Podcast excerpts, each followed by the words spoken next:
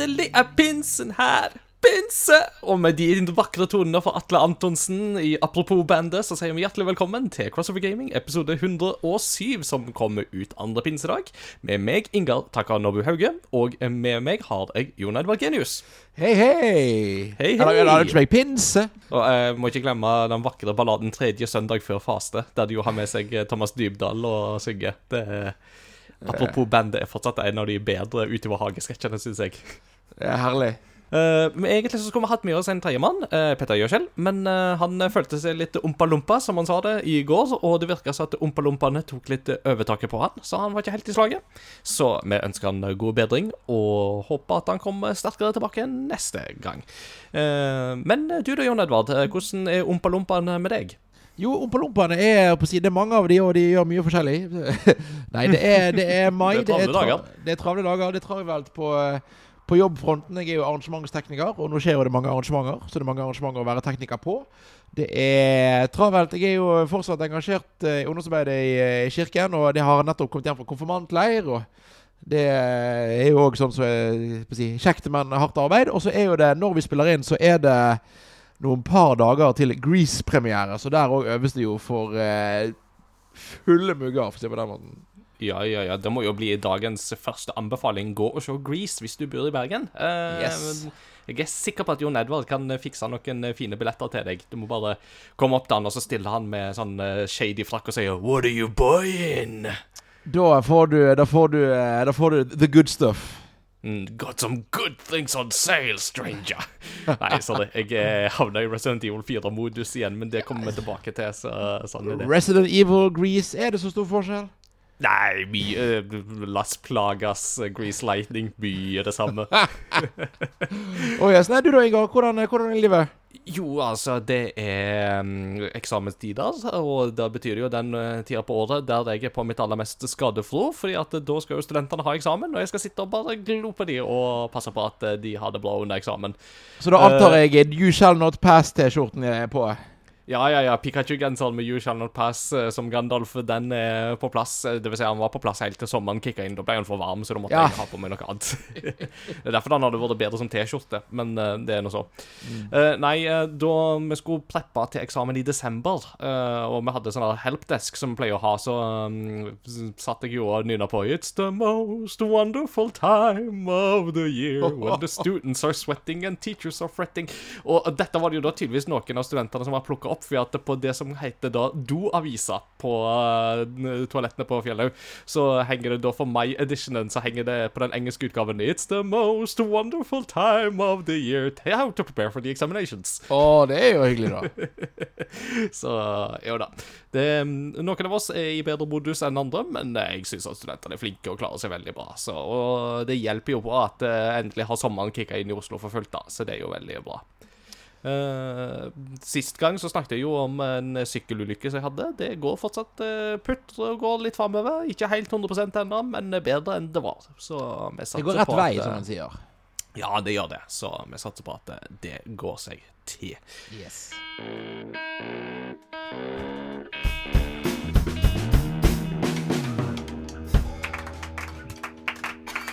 Ja. Eh, himmelsk lyd fra ungdommene.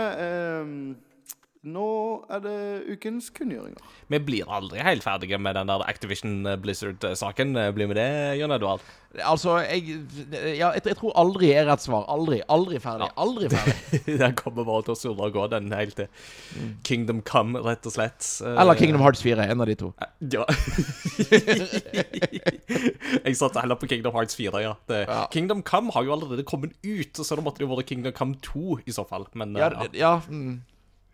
Det, men eh, joke, bad jokes aside, eh, det nye utviklinger i Activision Blizzard-saken skjer jo. Nå har EU-kommisjonen godkjent at eh, Microsoft kan kjøpe opp Activision Blizzard, og det er jo en av de tre liksom, veldig store instansene. Vi har jo tidligere erfart at Storbritannia sitt konkurransetilsyn, CMA, sa nei, men det at EU sier ja, er jo et interessant spor, dette her. Og de lærde strides veldig om uh, hvorvidt uh, det er noe å tjene på en anke i, dette, i den saken der. Og så om de på en måte kan anke på selve avgjørelsen, eller om det bare er saksgangen, eller hvordan det er. Så eh, det hadde egentlig vært litt interessant å få en jurist eh, på å snakke om. Eh, særlig gjerne da noen som har litt eh, ekstra kompetanse på britisk eh, rettssystem. Så hvis du ikke kjenner noen, så ta kontakt. Eller du, du, hvis du kan dette her, så ta kontakt med oss. Vi vil snakke med deg. Absolutt. Og jeg er litt sånn på en måte igjen, for når, når, eh, når, når de britiske sa nei, eller Storbritannia sier nei, og EU sier ja, på en måte, hva betyr det? Betyr det på en måte at Er, er det noen form for flertall her? Er det noe, eller, på en måte, det, eller betyr det at de får lov å kjøre, men de må operere separat? I, altså, her er det mye rart. Altså, dette er jo sånn Altså, La oss være ærlige. Spill er jo på en måte Det er jo mye hobby. Men dette er jo sånn, sånn, sånn, sånn voksenting. Dette er jo ja, ja, ja. Dette er veldig voksen big business, vet du. Ja, ja, ja. Nei, men, nei, men altså, teoretisk sett, det som jo kan skje, er jo det at hvis alle andre Altså, hvis USA går god for det, hvis EU, EU går god for det, Kina har gått god for det nå Men hvis eh, Storbritannia sier nei, altså strengt tatt, et resultat av det kan jo være at Microsoft bare sier at ja, OK, nei, men da gidder vi ikke å henge i Storbritannia, da går vi til alle andre plasser i stedet. Altså, i teorien så kan jo det skje. Altså, Nå vil jo det sannsynligvis ikke skje, for Microsoft har jo en altfor stor businesstilværelse til at det i det hele tatt vil kunne skje. Men det er jo en interessant tanke likevel, ikke sant? Ja, og hva konsekvenser har dette, og hva, hva må til for at Activision Blizzard si, Altså at, at Microsoft får lov å kjøpe de? Er det, er det type noe veldig kall regnskaps- eller firmateknisk, eller er det sånn å ja, dere må skille ut IP-er for de blir for store? Altså hva, hva er det de ønsker? Hvor mye går det utover den si, public-siden av Microsoft? Og hvor mye kommer det til å være noe som egentlig for oss fans bare blir en intern greie vi ikke helt skjønner? Mm. Nei, det Jeg har ikke noen gode svar på det. Og det er litt derfor det hadde vært interessant å ha en jurist med oss på dette. Så igjen, hvis du kan det britisk juss, så ta gjerne kontakt. Vi snakker gjerne med deg om, eh, om dette i en temadel, altså. For det Dette kommer til å putte og gå en god stund til. Hvis den eh, britiske Phoenix Wright sitter i publikum Ja, så vil vi gjerne ha Hold it fra deg, og så kan du bli med. Uh, en ting som ikke blir med, det er jo da Overwatch 2 sin PVE-del. Da Overwatch 2 ble um, først annonsert i 2019, så var det jo da sånn at eh, en av hovedtrekkene, eh, trekkplasterne i dette her, var jo at eh, Overwatch-universet endelig skulle få seg en mye mer historiekonsentrert eh, del, som da skulle være PVE, altså Player versus Enemies, som da er mer at spillerne går sammen om datagenererte fiender. Og dette har man jo eksempel på i Overwatch allerede, med litt sånn tidsbegrensa ting og tang. Men eh, det som, eh, det som Overwatch 2 skulle fokusere mer på, var jo at du skulle få en mye mer heldekkende historiedel der fire spillere kunne gå sammen og spille gjennom dette her i en mye større grad, og du skulle få mye mer plass, og du skulle ha muligheter for å på en måte oppgradere enkelthelter litt mer på sånne forskjellige måter. Eh, som, altså, du ville ha forskjellige oppgraderingsmuligheter med forskjellige oppgraderingstrær, så du kunne på en måte følge og litt sånne ting. Og det hele virka jo veldig spennende. Og så kom Overwatch 2, eh, flerspillerdelen, i eh, oktober i fjor.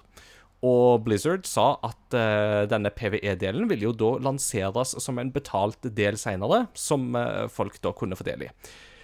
Det som gjør dette her litt uggent, er at eh, allerede for rundt halvannet år siden så visste de egentlig at denne PVE-delen kom ikke til å komme i mål sånn som de ønsket. Eh, Og det er liksom først nå at de da har eh, trykket pluggen på den, ifølge da utøvende produsent Jared Noyce. Jeg vet ikke, altså jeg har jo mange tanker om dette, men Jon Edvard, det er dine umiddelbare tanker i dette her skulle jeg gjerne hørt litt om. Ja, altså for jeg er jo en som har på en måte spilt uh, Overwatch litt her og der med venner, men jeg er ikke en som er veldig investert. Men det er liksom Det jeg reagerer på her, er på en måte Dette var jo, i hvert fall for meg, så var jo dette Dette var grunnen til Overwatch 2. På en måte Det var, det var grunnen til at tallet 2 kom. Altså på en måte resten er form for Altså det, det har vært store endringer i meta og alt det der, men på en måte jeg følte at OK, hovedgrunnen er at vi skal få denne her uh, uh, altså PVE-en. Og så Det er jo noe med for Jeff Kaplan, som var jo hoveddesigner for Overwatch 1, han forsvant jo Er det to år siden? Omtrentlig, ja. Ja, og da på en måte Når du sier at i ett og et halvt år så har de visst at det ikke blir noe, så henger Det er jo noe her som henger sammen. Og da Men jeg kjenner egentlig det som er verst, det er den detaljen med at de har visst det så lenge. Eh, og folk har investert tid og eh, for så vidt penger, men, og har jo fått hyggelige ting ut av det. Men det er noe altså Her er det noe med kommunikasjonsveien som har gått helt feil. Og jeg føler at spesielt Blizzard, som ganske lenge siden Blizzard har på en måte fått en stor publikumsseier. Jeg, jeg tror helt ærlig de hadde vunnet mer på å faktisk komme ut for et eller et år siden og si Vet dere hva, sorry, det, vi, vi får ikke det til. Eller på en måte her Jeg Altså, eh, jeg, jeg, jeg, tror, jeg, klarer ikke å se at Overwatch 2 klarer å snu skipet offentlig nå, på en måte med det bildet publikum har av det spillet. Jeg vet ikke, Men mm. du, du, er jo litt med Overwatch-mannen. Hva tenker du? Ja, og det er, jo, det er, jo, veldig mye av det du sier der som jeg er veldig enig i. Og det er jo særlig den, ikke sant. Altså, dette har de visst veldig lenge ikke kommer til å skje. Og særlig knytta til Overwatch 2-lanseringa, så har de egentlig visst at uh, vi kommer ikke til å få den biten der i havn, men vi må shippe Overwatch 2 likevel, for vi har tross alt lova det. Så la oss gjøre det til en gratis oppdatering der alle får tilgang på Overwatch 2, og så gjør vi det gratis. Altså Misforstå meg rett, altså det er mye som er gjort i Overwatch 2 som jeg er veldig glad og fornøyd i. Og jeg, dette er ikke noe sånt som gjør at jeg kommer til å slutte å spille Overwatch 2. Altså, Jeg er veldig glad i det spillet og kommer til å fortsette med det. Og alt Det er veldig mye det er implementert i Overwatch 2 som jeg liker veldig godt. Men, og dette er jo et veldig stort men, mange av de oppdateringene som jo kommer Overwatch 2 kunne de like gjerne ha gjort innad i Overwatch, uh, i, i, det eksisterende systemet. Og litt av grunnen til at de snakket om at de ville bygge Overwatch 2, var jo det at de ville bygge en PVE-del som krevde en del tekniske ting som ikke var mulig i Overwatch 1-motoren, og at de derfor måtte, eller koden, og derfor måtte på en måte bygge på en måte et nytt system rundt dette. Og det, de, nå lover de jo riktignok at det vil jo komme mer sånne historiefokuserte ting i, i, på en måte de ulike sesongene framover, og sånt, sånn som vi jo har hatt tidligere.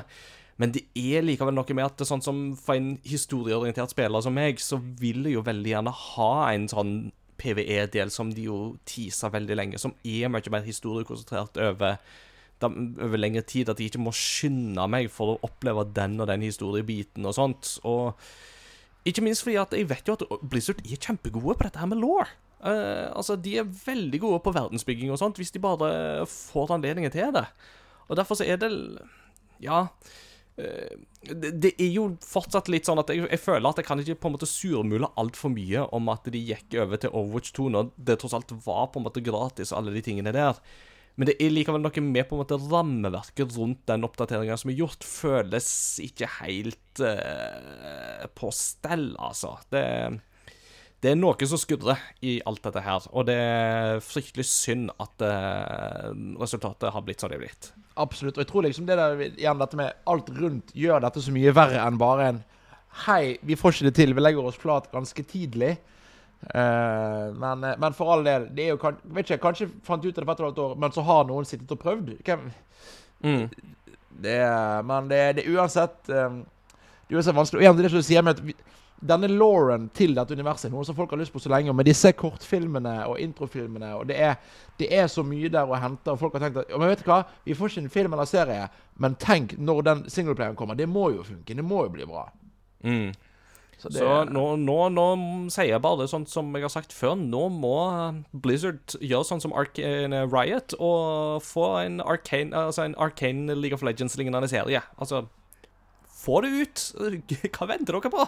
Dette her er overmodent. Dere har liksom Helt siden Starcraft-dagene vært eksperter på å lage an, altså, animerte kortfilmer som er nesten Pixar-navnet verdig, og så Får dere ikke dette til, det, det føles eh, kjipt, altså. Dessverre. Enig. Enig. Ja. En annen ting som er litt kjipt, uh, hvis vi skal gå over til neste sak, uh, er for de som venter på å spille Hogwarts Legacy på Switch, så må vi melde at den utgaven er utsatt til november. Nå er jo PlayStation 4 og Xbox One-utgavene ute, så det er egentlig bare Switch-utgaven vi venter på. Jeg er fortsatt veldig spent på hvordan den kommer til å kjøre, altså. men uh, den er iallfall bare utsatt enn så lenge. Den er ikke, ikke kansellert. Ja, og jeg er jo fascinert fordi at uh, når dette ble annonsert helt i starten, så tenkte nok jeg og ganske mange å ja, de bare gir ut en cloud-versjon. Men det, nå har vi visst noen stund at dette er faktisk en egen Switch-versjon. Og jeg er veldig nysgjerrig på at igjen, et spill som er såpass kraftig at de måtte, eller i hvert fall måtte, som begynte med kun være på PS5, skal slippes til Switch jeg er veldig nysgjerrig på hva de gjør. Um, og på en måte blir det på en måte blir, Kommer noen til å synes det er godt nok? Eller blir dette litt sånn uh, lattermild internett, uh, latterkule, hvor ha-ha, se hvor stygt det ser ut? Jeg er mm. veldig nysgjerrig på hva de ender opp med å gjøre. Jeg håper jo veldig at dette spillet mm, kan levere en opplevelse som er god nok, i alle fall. Eh, Ikke minst fordi jeg har jo jeg har jo yngre familiemedlemmer som venter veldig på denne utgaven, for at det er jo Switch de har, og og de er veldig glad i Harry Potter. Så jeg, eh, jeg har veldig forståelse for at denne utgaven er noe som de jobber med, og jeg håper inderlig at den blir noe av, altså. Men det er klart at det er det er et spill som har vært ganske krevende, eh, så jeg skjønner det at de trenger mer tid for det i hele tatt få det til å fungere. Men eh, ja. All ære til dem for at de gidder å prøve. Ja, ja, ja, ja. Og altså For all del, altså Nintendo har akkurat vist at du kan lage store, åpne verdensspill på Switch og få de til å kjøre ganske bra, liksom, så Men uh, det blir spennende å se.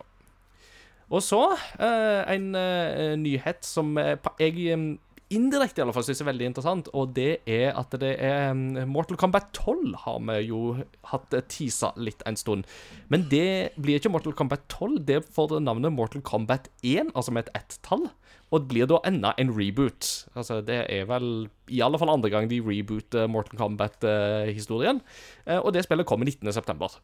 Uh, og grunnen til at jeg trekker det inn, er fordi at eh, hvis Tekken 8 òg lanseres nå i 2023 så blir plutselig 2023 et veldig interessant år for fighting-spill. For da har du de tre store har lansert nye spill i løpet av ett og samme år. For da har du Street Fighter 6, kommer jo nå i juni.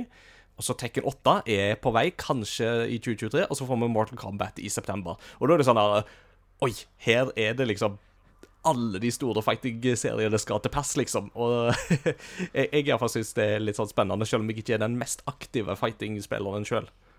Nei, men det er jo sånne ting som er litt sånn fascinerende. Bare sånn Har dere snakket sammen? Det, men, eh, og, og fighting-spill har jo på en måte gått veldig opp og ned. Plutselig er det tilbake i mainstreamen, og så har det de litt lave periodene før det kommer tilbake igjen. Og det spørsmålet er om når alle disse spillene kommer ut så kjapt, vil, det, vil de styrke hverandre, på en måte, eller vil de på en måte stjele publikum fra hverandre? Mm. Det, det er jo et fryktelig godt spørsmål. Jeg bare tenker at uh, det vi uansett kan si, er at fighting-spillerne verden rundt De kommer til å spise veldig godt det neste året, eller neste halve året. Uh, det tror jeg ikke det er noen tvil om, iallfall. Definitivt. Og Sjøl så satt jeg jo i dag mens jeg jobba, og så satte jeg på litt eh, av musikken til Street Fighter 6. For det har jo blitt sluppet litt eh, smakebiter av den allerede på YouTube fra eh, Capcom sjøl, for, for øvrig. Og Ja. det er mange fete tunes, altså. Så bare det alene har jo gjort meg litt hypa på det spillet. Så vi får se. Lanseres til veka for dere som holder på. Eh, Et spill som er lansert allerede, det er jo Tears of the Kingdom. Det er det veldig mange som har fått med seg. Faktisk har ti millioner fått det med seg. Minst eh, fordi Tears of the Kingdom solgte faktisk ti millioner eksemplarer på de tre første dagene. Og bare sånn, for å ta dette her i sammenligning, det er mer enn det Ocarina of Time solgte i løpet av hele sin levetid. Og for Twilight Princess òg, for den saks skyld. det er, det er ganske spennende på en måte når vi da ser at eh, For Zelda, altså Breath of the Wild, startet jo Switch på en måte eraen hvor alle spill solgte bedre enn noen gang før. Og så har jo Breath of the Wild-tallet på en måte eh, blitt forbipassert av nyere spill. på en måte igjen Alt ifra om det er Animal Crossing, om det er Mario Kart, om det er Pokémon-spill. og liksom Flere som har tatt igjen Breath of the Wild. Selv om de fortsatt er veldig gode tall. Det jeg lurer på, er om kommer Tears of the Kingdom til å klare å hoppe opp igjen på topp, eller liksom hvor, hvor det lander i det store sjiktet. For Zelda før Switch var jo ikke Zelda den største serien salgstallmessig. Den var solid, men det var jo på en måte Det var jo ingen Mario. Nei, nei. Nei, og det er jo det, ikke sant? Altså, det er jo, som, som sagt, altså Det, det bestselgende Zelda-spillet før, uh, før Breath of the Wild var vel Twilight Princess, tror jeg, som var liksom nesten oppi i 10 millioner solgte eksemplar, men ikke helt oppi i 10 millioner. 9, et eller annet. Og så har jo Breath of the Wild, som du sier, innleder jo Switchen, og i totalt så er det vel solgt 30 millioner eksemplar av Breath of the Wild, så Breath of the Wild er jo helt klart det bestselgende Zelda-spillet noen gang. Eh, men så får du da dette her som tar på en måte en tredjedel av den kaka på tre dager, og nå er jo Switch-publikummet blitt enda større. Så det er veldig spennende å se hva de kan få til, eh, sånn salgstallsmessig, eh, syns, syns jeg, da. For dere som hører på, så har PlayStation Showcase allerede vært, men eh, vi nevner likevel at det skal være 24. mai 2022. Nei, 2022 sier jeg klokka 22.00. så for dere som da hører på episoden og ikke har sett den, så kan dere gå tilbake og se den nå. Av andre sånne begivenheter så skal Summer Game Fest sparkes i gang 8. juni, og Devolver Digital skal ha sitt heilsprø spilleshow en eller annen gang i juni. Dato kommer etter hvert. Er det noe av dette her du gleder deg eh, til, Jon Edvard? Altså mitt problem altså det er jo, av- disse så er det jo PlayStation som er definitivt måte er mest relevant for meg. Eh, samtidig som det som jeg syns har vært litt vanskelig, er at eh, Er at jeg Altså, PlayStation lager ikke nødvendigvis mange spill for meg lenger. Eh, jeg er veldig glad i Spiderman uh, og har en, uh, har veldig glad i God of War. Men unntatt det, så har de på en måte tatt ett steg inn i actionfilmverden Eller på en måte det, det, og det er på en måte det er, Jeg savner når de var litt mer quirky. Jeg er jo, Mitt, mitt favorittspill er Sly Cooper 2. Jeg var glad i Ratchet Clank og Jack and Daxter. på en måte Og PS2 Altså, jeg var glad i Vitaen og liksom litt mer Litt, litt særere og litt mindre mainstream PlayStation sånn sett. Og det er jo det er jo en grunn til at de, de, de lager de spillene de gjør nå. Det, det selger godt. Mm. Eh, men Så jeg, altså jeg håper på en Altså igjen, Mitt beste øyeblikk fra en E3 noen gang er når Crash Bandicoot-remaken ble annonsert i 2016. Mm. Så uh, hvis, jeg, hvis, jeg, kan få en Crash Bandicoot uh, Nei, eller Sly Cooper uh, Sly Cooper-remake eller noe sånt, så er jo det jeg har lyst til. Samtidig så jeg, jeg erkjenner jo òg at det er nok ikke det som er lurest av de nødvendigvis. Nei, nei, nei. Det, det, tror jeg nok ikke. Jeg tror nok sånn sett at det er større sjanse for at du får den Spyro, Spyro 4 eller noe sånt, enn at du ja. får uh, Sly Cooper, dessverre. For at uh, det er jo um, Utviklerne har jo sjøl nevnt på det med at uh, Sly Cooper kommer nok ikke tilbake med det første, altså. Nei, og både og Sly Cooper fikk jo en oppfølger, en firer, som ble ganske lunkent mottatt, utviklet av Zero Games. Mm. Uh, men jeg, jeg, tror nok ikke vi får Spyro heller, for hvem er det som eier Spyro nå om dagen? Activision. Yes, så det, vi får mer om det i rettssaken i 2027. ja, men altså, det, det, er jo ingenting som hindrer de å lage nye spill, da, midt oppi dette her. Nei, men, jeg, men jeg, jeg, tror ikke de annonserer det på PlayStation-scenen. Nei, nei, men kanskje på Summer Game Fest. Det kan hende. Det er sant. det er sant, ja. det er sant. Uh, og det er jo klart at uh, Kommer de med en Spyro 4, så vil de jo ikke begrense seg til bare PlayStation. Så ja. Men, men, jeg er litt enig i det som du sier der med den der PlayStation-trenden. Uh, altså, for det er jo klart at PlayStation har jo blitt veldig store, og de er veldig gode på de der store titlene sine nå. Altså, Jeg elsker jo God of War, jeg elsker jo Horizon, jeg elsker jo The Last of Us.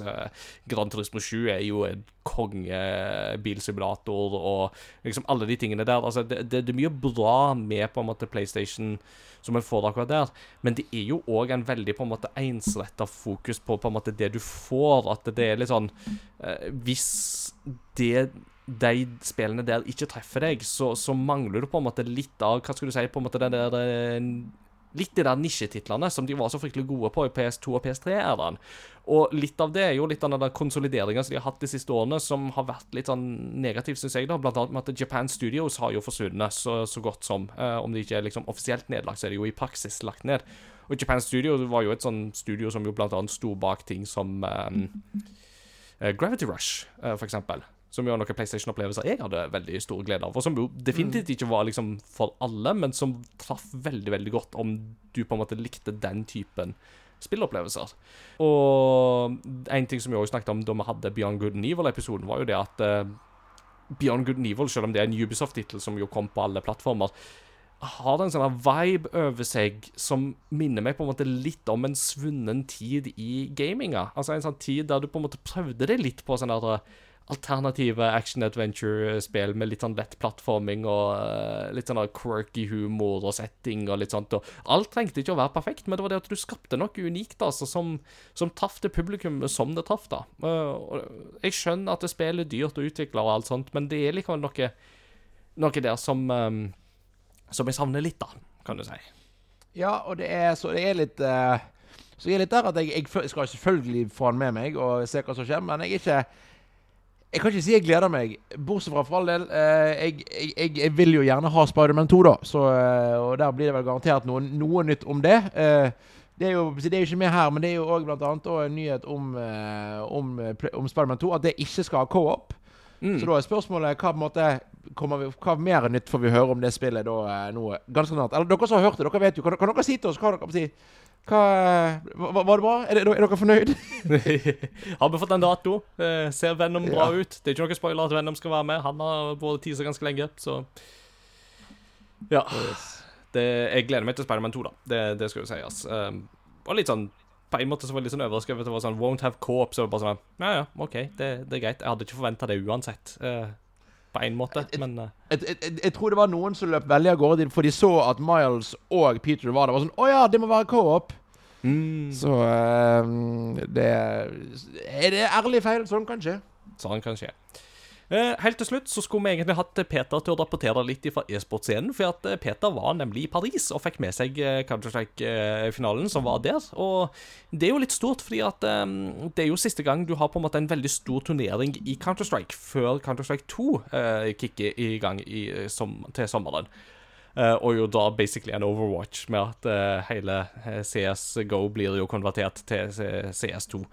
Eh, men det som jo gjorde det litt ekstra gøy, var jo det at det norske Apex gikk jo ganske langt. De kom helt til semifinalen, men de måtte da til slutt se seg slått av heimelaget, som eh, var uh, Vitality, hvis jeg har skjønt det riktig. Jeg må bare beklage at eh, e-sport er ikke min scene, så beklager hvis jeg bomma der. Men uh, uansett, kudos til Apex for å ha nådd såpass høyt. Det står det respekt av i et av uh, de største konkurransespillene som fins. Applaus til Apex.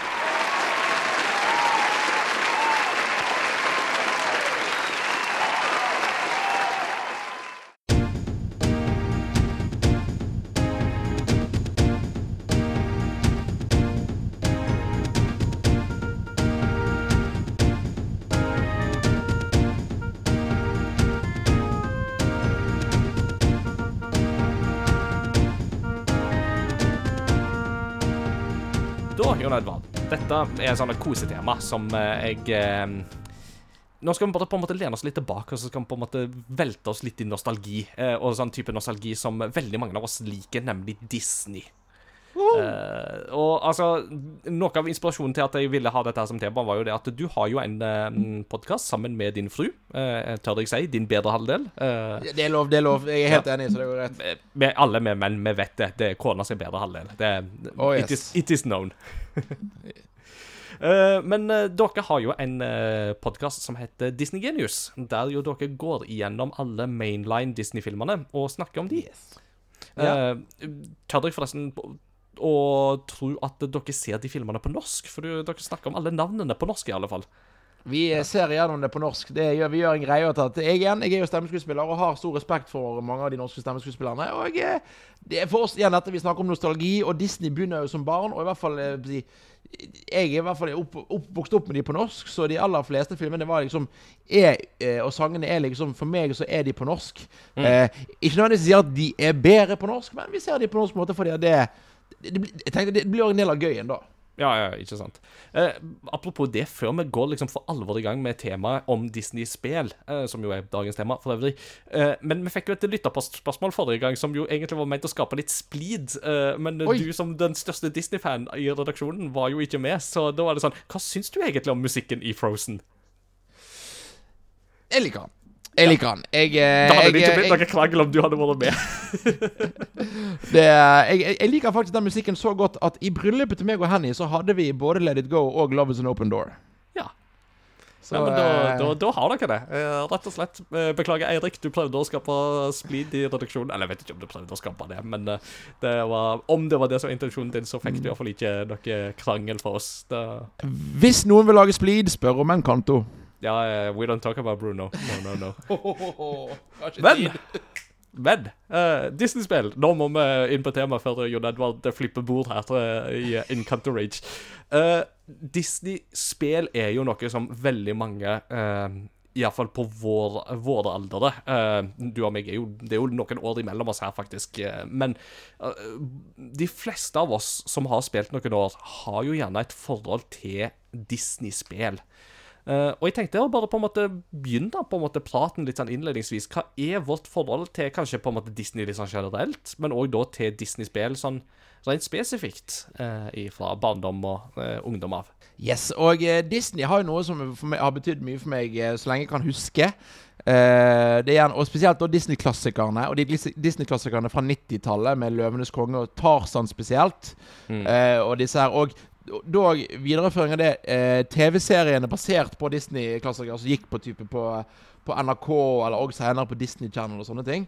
Eh, så det er jo på en måte Eh, og det går egentlig litt videre inn i spillverden, fordi at Disney var noen av de første filmene jeg så hvor det liksom var sånn Vent litt. Her er det liksom mulig å fordype seg i disse verdenene med bøker eller med TV-serier og høre på musikken.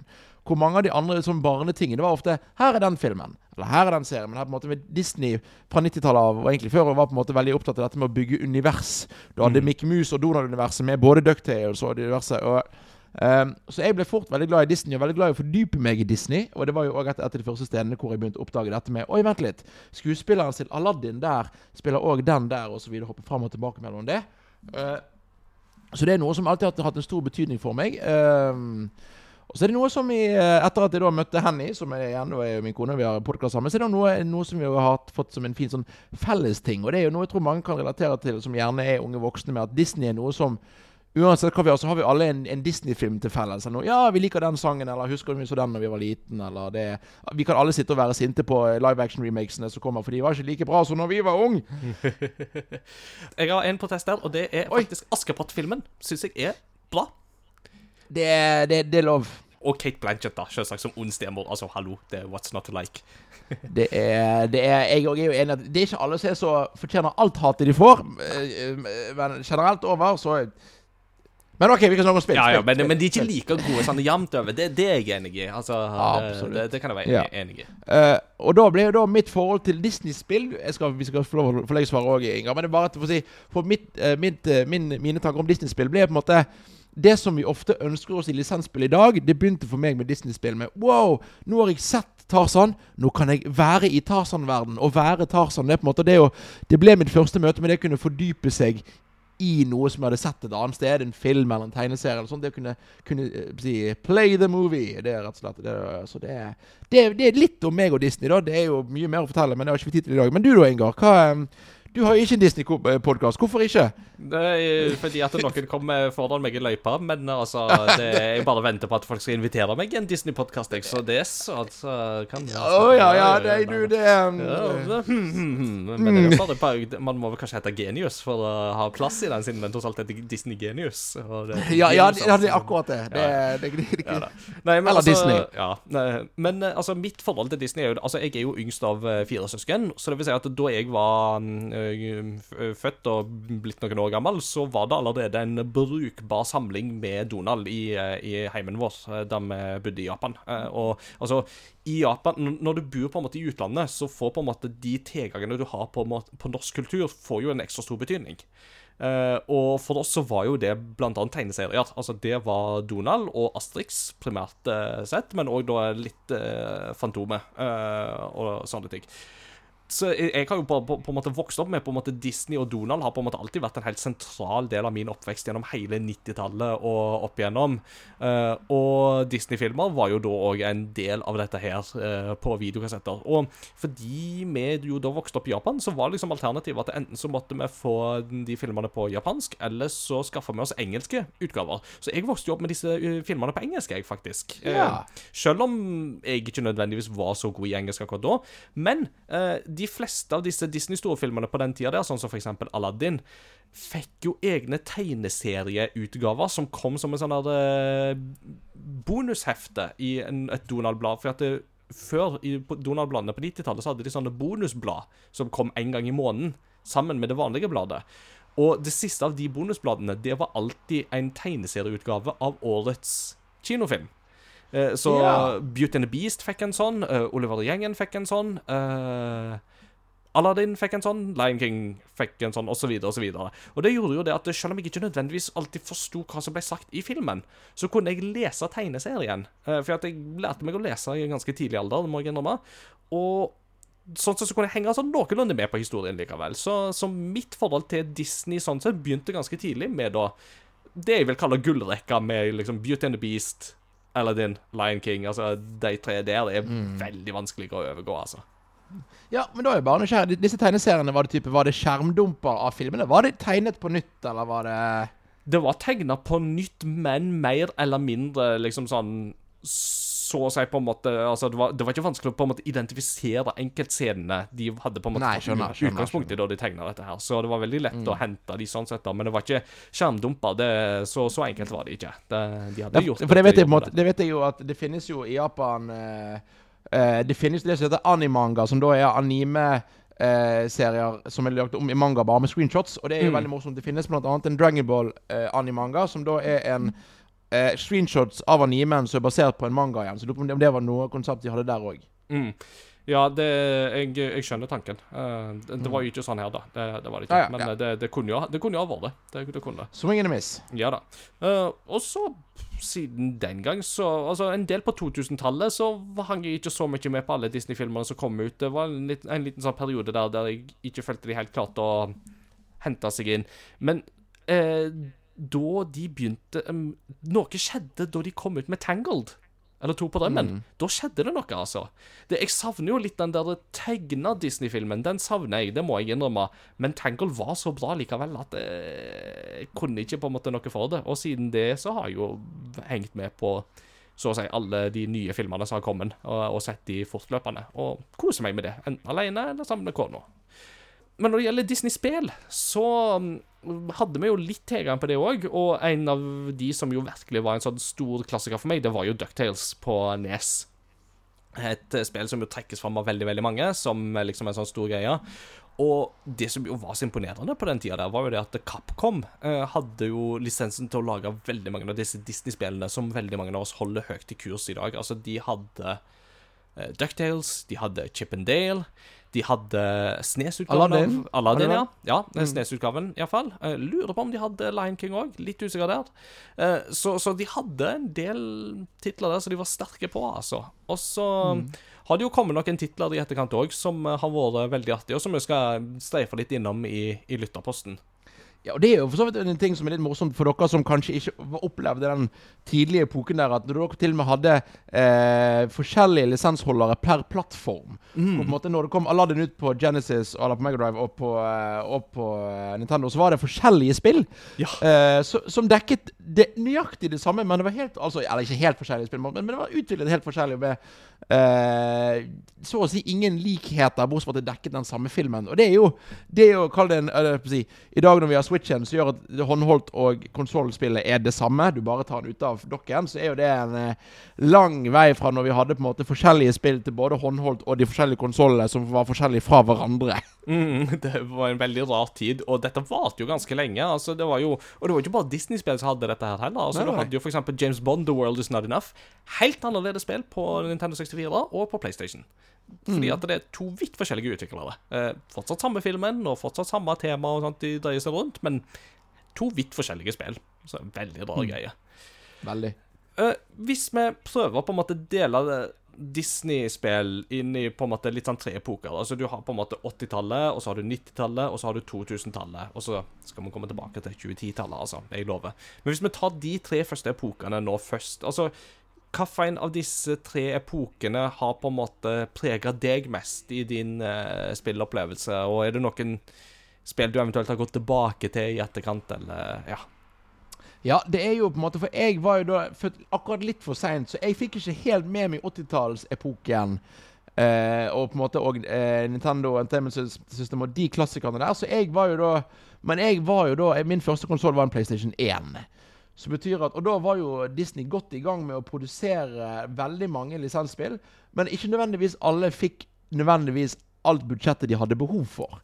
Eh, så jeg har jo da jeg må si, det er morsomt, si- Kanskje noen som på min alder relaterer seg til at jeg så veldig mange Disney-spill på lekerommet på McDonald's, husker jeg. Når jeg var liten, som bursdagsbesøk og sånn. Så der har jeg liksom Jeg har prøvd Aladdin-spillet til, Play, til PlayStation 1 uh, og Peter Pan. Eh, men jeg har jo spilt alt ifra eh, si, eh, Hva heter det? Uh, Ole Brå Tiggers Honey Hunt til PlayStation 1. eh, Quack Attack, som var Crash Bandicoot-kopi. Tarzan, Kongeriket for Lama. Jungle Book Groove Party, som var en DDR-kopi. Monsterbedriften, Mickey's Wild Adventure Toy Story 2. eh, og veldig mange av disse spill, eh, spill jeg har spilt, har prøvd å gå tilbake til noen av de i ettertid. Og fant ut at det skal ikke jeg gjøre mer, for det var egentlig bare litt trist. Det skal jeg være brutalt ærlig på. At det, det er spill som var veldig gøy fordi jeg likte serien eller filmen, men det var mange av de som var sånn Det, føles, det er litt som å sitte og spille sirup. Ja, det jeg skjønner den, altså. Det er liksom morsomt med det, da, som du sier, ikke sant, at de fikk ikke nødvendigvis det budsjettet. og Det var jo det der problemet ikke sant, med, med lisensspill på denne tida her, var jo det at de måtte på en måte nå en de måtte nå en kinofilm, eller de måtte nå en TV-lansering. De måtte smi mens det gjerne var varmt. ikke sant? Altså, de, de kunne ikke få liksom all den tida de trengte. For at det var sånn at Nei, den filmen kommer ut da, og vi skal ha spillet omtrentlig klart da. For at dette skal vi cashe inn på så mye som mulig. Forståelig nok. Um, Ja. Men, ja, og jeg husker jo sånn som på en måte det er sånn så Og det er jo også igjen fordi det skal passe med filmen. Og, de, eh, og jeg husker liksom det var Dette var første gang jeg tenkte at Oi, det er klipp fra filmen! Oi, hva alle de firkantene? Hvorfor er det så Det er liksom igjen piksler. Og det er liksom du ser, du, du ser at det er noe som ikke er helt rett her. Men, men jeg skjønner ikke hva, for jeg er et barn. Så OK, og nå er det gøy. Nå, nå spiller jeg mer Hercules. Woho! Eh, eh, men, men det, det som jeg stussa mest på i det du sa, var at uh, fantes det et Aladdin-spill til PlayStation? Ja, eh, jeg mener det var, det var Men det var, eh, det var ikke Aladdin 1, men det var Åh, hva heter det? Nå skal jeg sitte Jafar vender tilbake, eller noe sånt? Ja, eller jeg lurer på om det faktisk var eh, Ja, se her. Aladdin Nasiras Revenge. Ja. Eh, som ikke var basert på en film. Eh, for det var, det var noen eh, Det var noen spill på en måte som kom ut litt i forbindelse med TV-serien. her og litt sånn, så det var på en måte Og det samme òg med Monsterbedriften-spillet, som ikke handlet om filmen, som tok til etter filmen. Mm. Uh, det som er interessant, da, er at en del av disse spillene, type Kongerik Nei, meg, uh, til og med type Monsterbedriften og disse, ble gitt ut til både PlayStation 1 og 2. Hvor i hvert fall jeg var en av de som tenkte Å, oppfølger til det forrige Mo- Mo- Monsterbedriften-spillet. Jeg kjøper det, jeg. Og så var det det samme spillet, bare på en ny plattform. Og ikke så mye penere, hvis jeg er ærlig. Å nei. Oh, den, den svir. Den svir. Eh, Da, da, da skulle du heller kjøpt deg en Nintendo 64, og så kjøpt spillet der, for da hadde de iallfall vært en sjanse for at du hadde fått et helt annet spill. Da, da, har de fått en annen versjon av det samme spillet. Ja, litt an, mer annerledes versjon.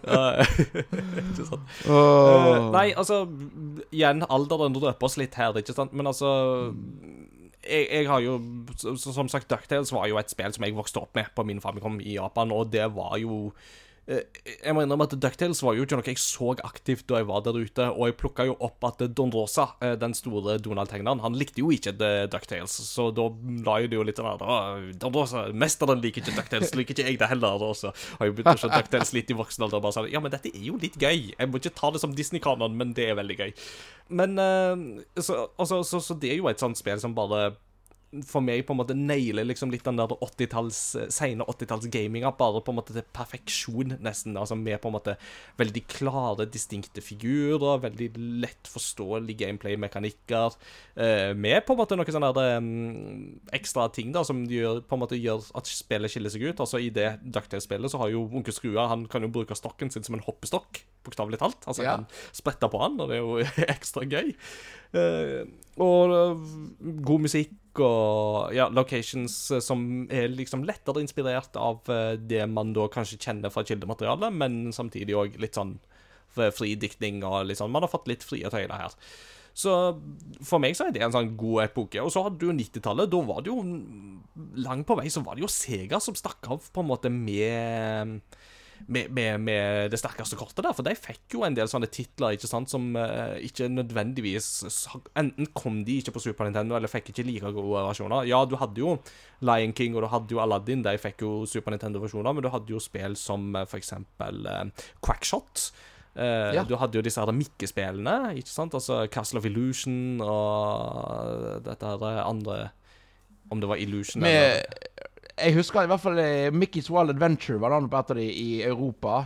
Ja, Wild Adventure var vel på PlayStation, tror jeg. Ja, jeg lurer ja, igjen, det, det, det, Spesielt Mickey Mouse har veldig mange spill som heter veldig mye Mm. eh, forskjellig. Men eh, han, Ja. si, Eller Mickey Mania The Timeless Adventures of Mickey Mouse Ja. kom ut på Nesten og Genesis, men ble da portet til Wild Adventure på PlayStation. Sånn var det, ja. Ja. Eh, og så, men så hadde du òg sånn som for eksempel som Maui Mallard hadde du også, og så hadde du jo Gargoyle hadde du òg, som eh, var på en måte mer på en måte sånne nisjetitler, men likevel, da, som fikk på en måte etablere seg på, på et Sega-marked, og fikk utnytta Sega-konsollen til et mye større potensial. Eh, og så hadde du jo Absolutt. og så hadde du jo 2000-tallet, da, som jo kanskje var litt mer prega av på en måte litt mer på en måte lisensspill knytta tettere opp til lan- filmlanseringer og den slags type ting. Som jo for øvrig prega kanskje litt sånn slutten av 90-tallet med sånn så Hercules og Tarzan og Som vi jo forstår er jo spill som veldig mange har gode forhold til, men det er spill som nok missa meg, da, eh, kan du si. Ja, og det er jo litt spennende, fordi at jeg var jo en del av på en måte PS2-æraen. Og liksom og kjøpte en del Disney-spill. I hvert fall noe type Har i hvert fall en del minner med f.eks. De utrolige til PlayStation 2. Ja. Og er, som, det er jo et spill som er utviklet av Heavy Iron Studios, som er mest kjent for SpongeBob eh, Battle for Bikini Bottom. Eh, som er jo et av de få eh, OK, kjent for er kanskje kjent, kjent uttrykk. Uttrykk. Men det var jo eh, spillet som fikk en remake i fjor eller forfjor. Så det er jo liksom Og det er jo da kjent som et av de bedre lisensspillene, og de har jo òg laget De utrolige. Og det ble jo på en måte Det begynte jo på 2000-tallet allerede der på en måte å bli litt færre, i hvert fall, men fortsatt mange. Og der var det, og jeg tror på en måte også at Jeg tror kontrasten ble større med at det var noen ordentlig gode, men du begynte òg å få de virkelig dårlige. Eller k- kanskje det rette ordet de virkelig billige. Eh, spillet tror jeg kanskje jeg skal si der. Eh, og samtidig hadde du spill som eh, Biler-serien ble veldig populær, og de fikk jo tre-fire-fem forskjellige bilspill eh, som alle kom ut før Biler 2. Eh, for det var liksom, De hadde forskjellige Og det er jo veldig morsomt, for de, de fant veldig tydelig en formel de kunne reprodusere, for det er jo et bilspill. Oh. What? Så det er Så jeg har jo mange fine minner med PS2-æraen òg, selv om det var en sånn der eh, Jeg husker liksom Å nei, å, nå kjøper jeg dette her. Er det bra, eller er det en bommert? Ikke sant? Eh, og så er det jo et spill som på en måte kommer litt sånn i på en måte overgangsfasen her, liksom fra overgangen til 2000-tallet til 2010-tallet, og det er jo Epic Mickey på Wii. Ja. Eh, og, og det er jo kanskje et sånt spill som, eh, som bortsett fra Ducktales, er kanskje det Disney-spillet jeg har best assosiasjoner med. Eh, Ja. Blant annet fordi at det er jo et spill som fortsatt bare finnes på Wii. Eh, det er jo, Ja. så vidt jeg vet, ikke porta til andre konsoller, eh, så langt jeg kunne se. Det stemmer. Eh, Oppfølgeren kom jo til PlayStation 3 og litt forskjellig, og finnes bl.a. på PlayStation Plus, mener jeg. Mm. Uh, men eh, Og jeg òg er veldig glad i Epic Mickey. Aller mest fordi at det uh, Epic Mickey bruker min, en av mine favorittfigurer fra Disney-universet, som jeg syns er kjempespennende, og det er jo kaninen Osvald. Ja, for det jeg lurte på om det kunne være Oswald the Lucky Rabbit, som Yes. jo ble nærmest brakt tilbake fra de døde med det spillet der. Ja, og han ble faktisk brakt tilbake til Disney rett før dette spillet. For eh, Walt, eh, Kort for de som ikke vet det. Osvald var en karakter Walt Disney skapte når han jobbet for det som i dag heter Universal. Og han skapte det før han skapte Mickey Mouse. Så betyr at når han skulle starte sitt eget selskap, så måtte han lage en ny karakter. Og der har vi da det som i dag er Mickey Mouse. Men det betyr at fram til 2000-tallet, 2004 noen år i hvert fall før Osvald kom ut, eller uh, Epic Mickey kom ut, så var det da Universal som eide Osvald. Eh, og de, de produserte Osvald-tegnefilmer uten Walt Disney i ettertid. Så det morsomme er at denne dealen her innebar at Disney fikk tilbake Osvald.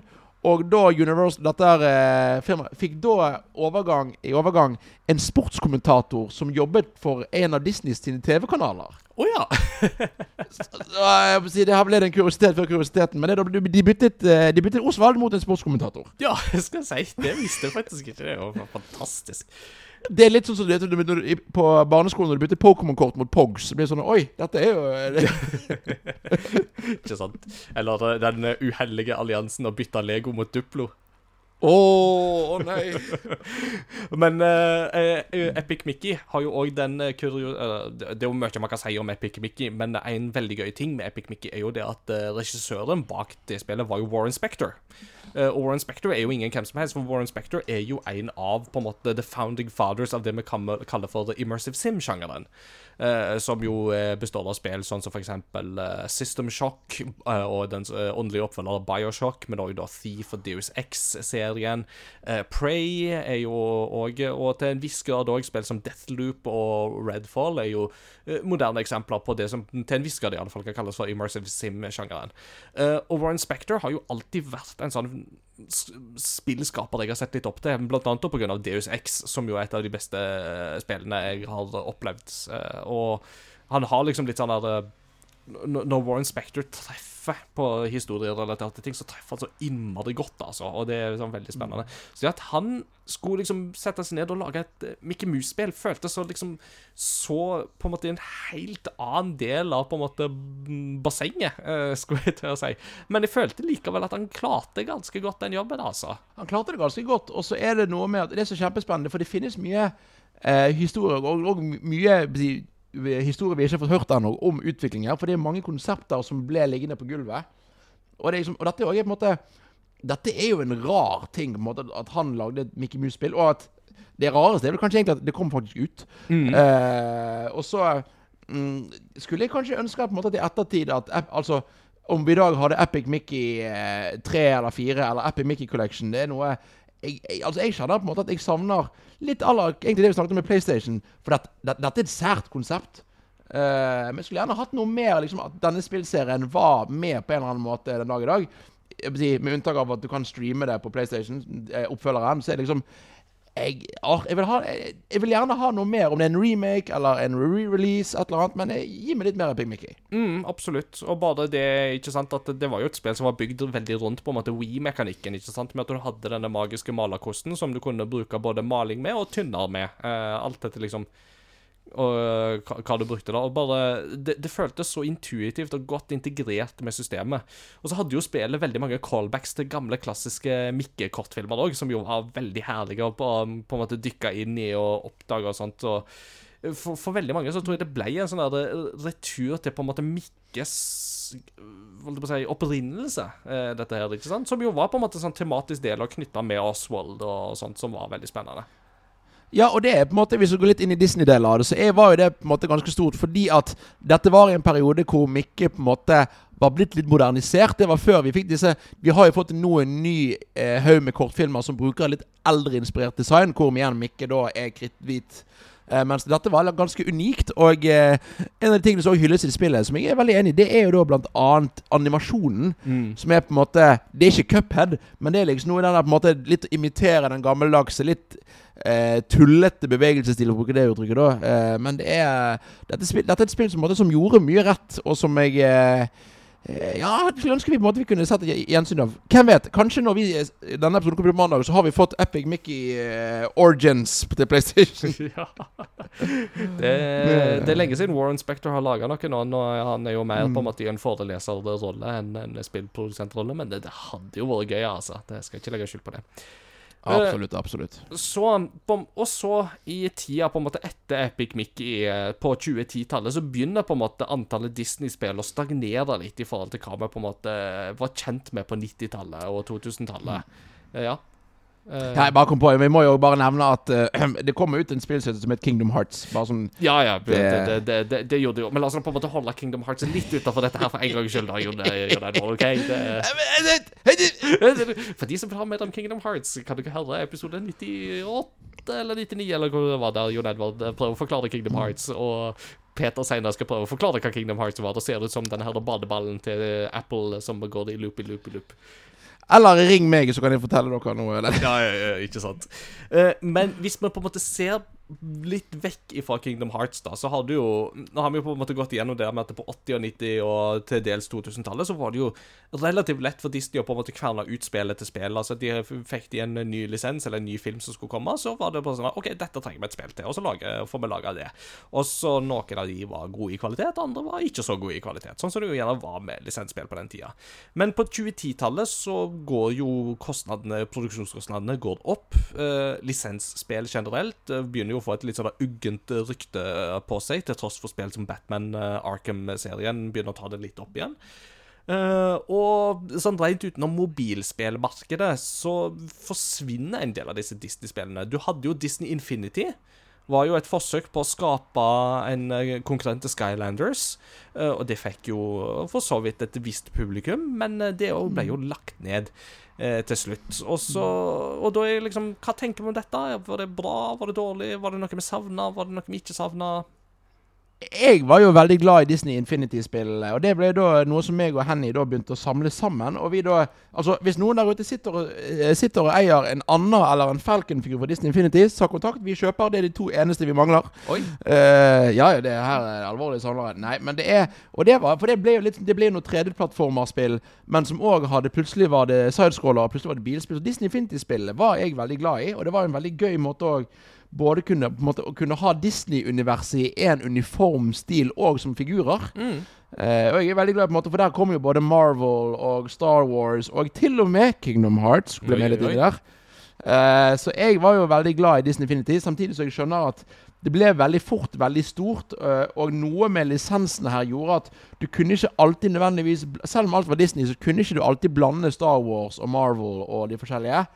Um, så er det sånn, det er sånn Jeg er lei meg for at det stoppet, samtidig så jeg skjønner det ganske godt. Eh, og det som er morsomt, det er at vi har allerede snakket om utvikleren til Disney Infinity i denne episoden. For det er jo da Avalanche som nå sitter og holder på med Hogwarts Legacy. Mm, stemmer det. Så, stemmer det. eh, og, så det er eh, og, det, så det jeg, og en, et annet spill som jeg vil nevne på en måte i denne epoken, det er jo faktisk et spill vi har halvveis snakket om. Det er jo da Ducktales Remastered. Ja. Og det var jo veldig gøy at de eh, produserte, ikke minst fordi at det var jo en, eh, en remaster der de jo fikk med seg de originale stemmeskuespillerne.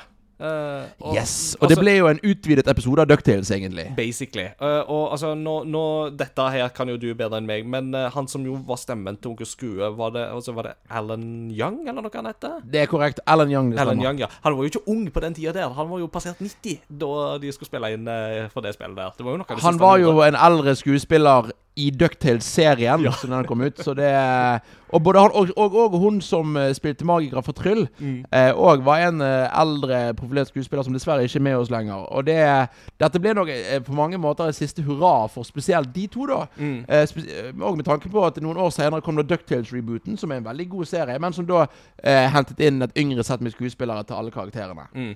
Deriblant David Tennant eh, i rollen som uh, Onkel Skue.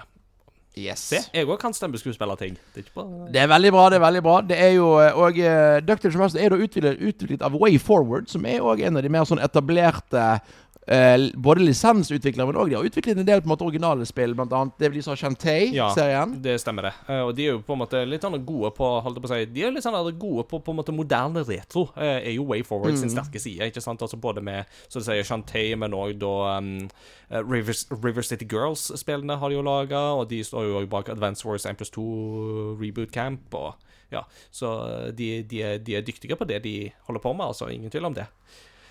Så det Og eh, vi må jo nevnes da eh, musikk eh, av Jake Coffman, som covret originalsangene. Så det er, hvis dere vil ha en gøy versjon av Ducktales-sangen, søk opp Ducktales and the Credits Theme fra Ducktales Remastered. Så er det artig. Det er òg et spill som jeg er veldig, blitt veldig glad i. Og et spill som jeg gjerne er litt lei meg for at pga. lisenser og digitale utgivelser har forsvunnet litt. Mm. Det var øh, til denne her um, de, de reklamerte jo for det spillet der på en veldig fantastisk måte, fordi at de eh, Da de skulle på en måte ha en sånn trailer for det spillet, så begynte de liksom med en sånn der, litt sånn der oransje, litt sånn der blurry bakgrunn, og litt sånn pling-plong-musikk, og så fikk de opp noen sånne quotes om på en måte hva Ducktales-spillet har betydd for meg, og så var det liksom først den utvikleren, og så den utvikleren, og så den utvikleren, og så tror jeg det var Tim Shafer til slutt. Please stop asking me for quotes, Tim Shafer. og, så, og så kom da And now Sing-along! Og så kom jo da Ducktales-introen intro med et sånt der du, sing-along du, med hode som hoppa bortover teksten, og det var sånn der Yes! så det var Det, om, det, det var nok en remake som forsto hva du skulle gjøre. Og som òg et av de kanskje litt tidligere remakesene som var inne på dette med å gi litt enklere valg for de som ønsket det til retrospill. Så jeg likte veldig godt Ducktales Remastered. Mm, det var kudos, kudos for det.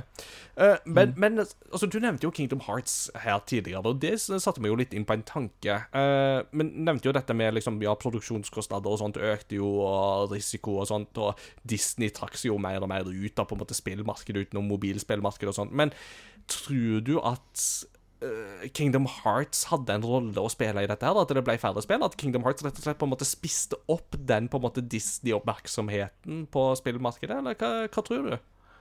Ja, altså både ja og nei. Jeg, ehm, jeg tror nok at de store slagene på en måte Altså de store filmene klarte nok ikke Kingdom Hearts å påvirke, men jeg tror at Kingdom Hearts kanskje eh, ble, tok, tok plassen til igjen dette her Aladdin, Naziras Revenge, som var på en måte originalen. Liksom, de liksom, Kall det B-spillet, B-sidespillet, og de litt mindre spillet. Å ja, vi, vi har lyst til å gi denne serien litt mer oppmerksomhet. Vi, vi lager et billig spill til PlayStation 2. Og så kanskje Nei, vi kanskje Kanskje de får en verden i Kingdom Hearts. Jeg tror nok det har litt å si, men kanskje ikke så mye. Eh, eh, men jeg, det, jeg er faktisk litt nysgjerrig på salgstallet til Kingdom Hearts. For det er en populær serie, samtidig som det òg delvis var en nisje. Så jeg, jeg, vet hva, jeg vet faktisk ikke. Det er et godt spørsmål. Eh, En ting som jeg satt og tenkte på, var jo at et lisens, altså et Disney-lisensspill En Disney-lisens som jo absolutt burde ha fått seg et eget spill, var jo River Rolf, eller Wreck-It Ralph. Men så kom jeg på at eh, ja, det fantes jo faktisk et eh, spill med River Rolf. Til så det var- 3DS, jo ikke? Ja, 3DS og eh, var det vel på, tror Mm. jeg. Så det fantes faktisk. Så ja, det var nå godt, det, da.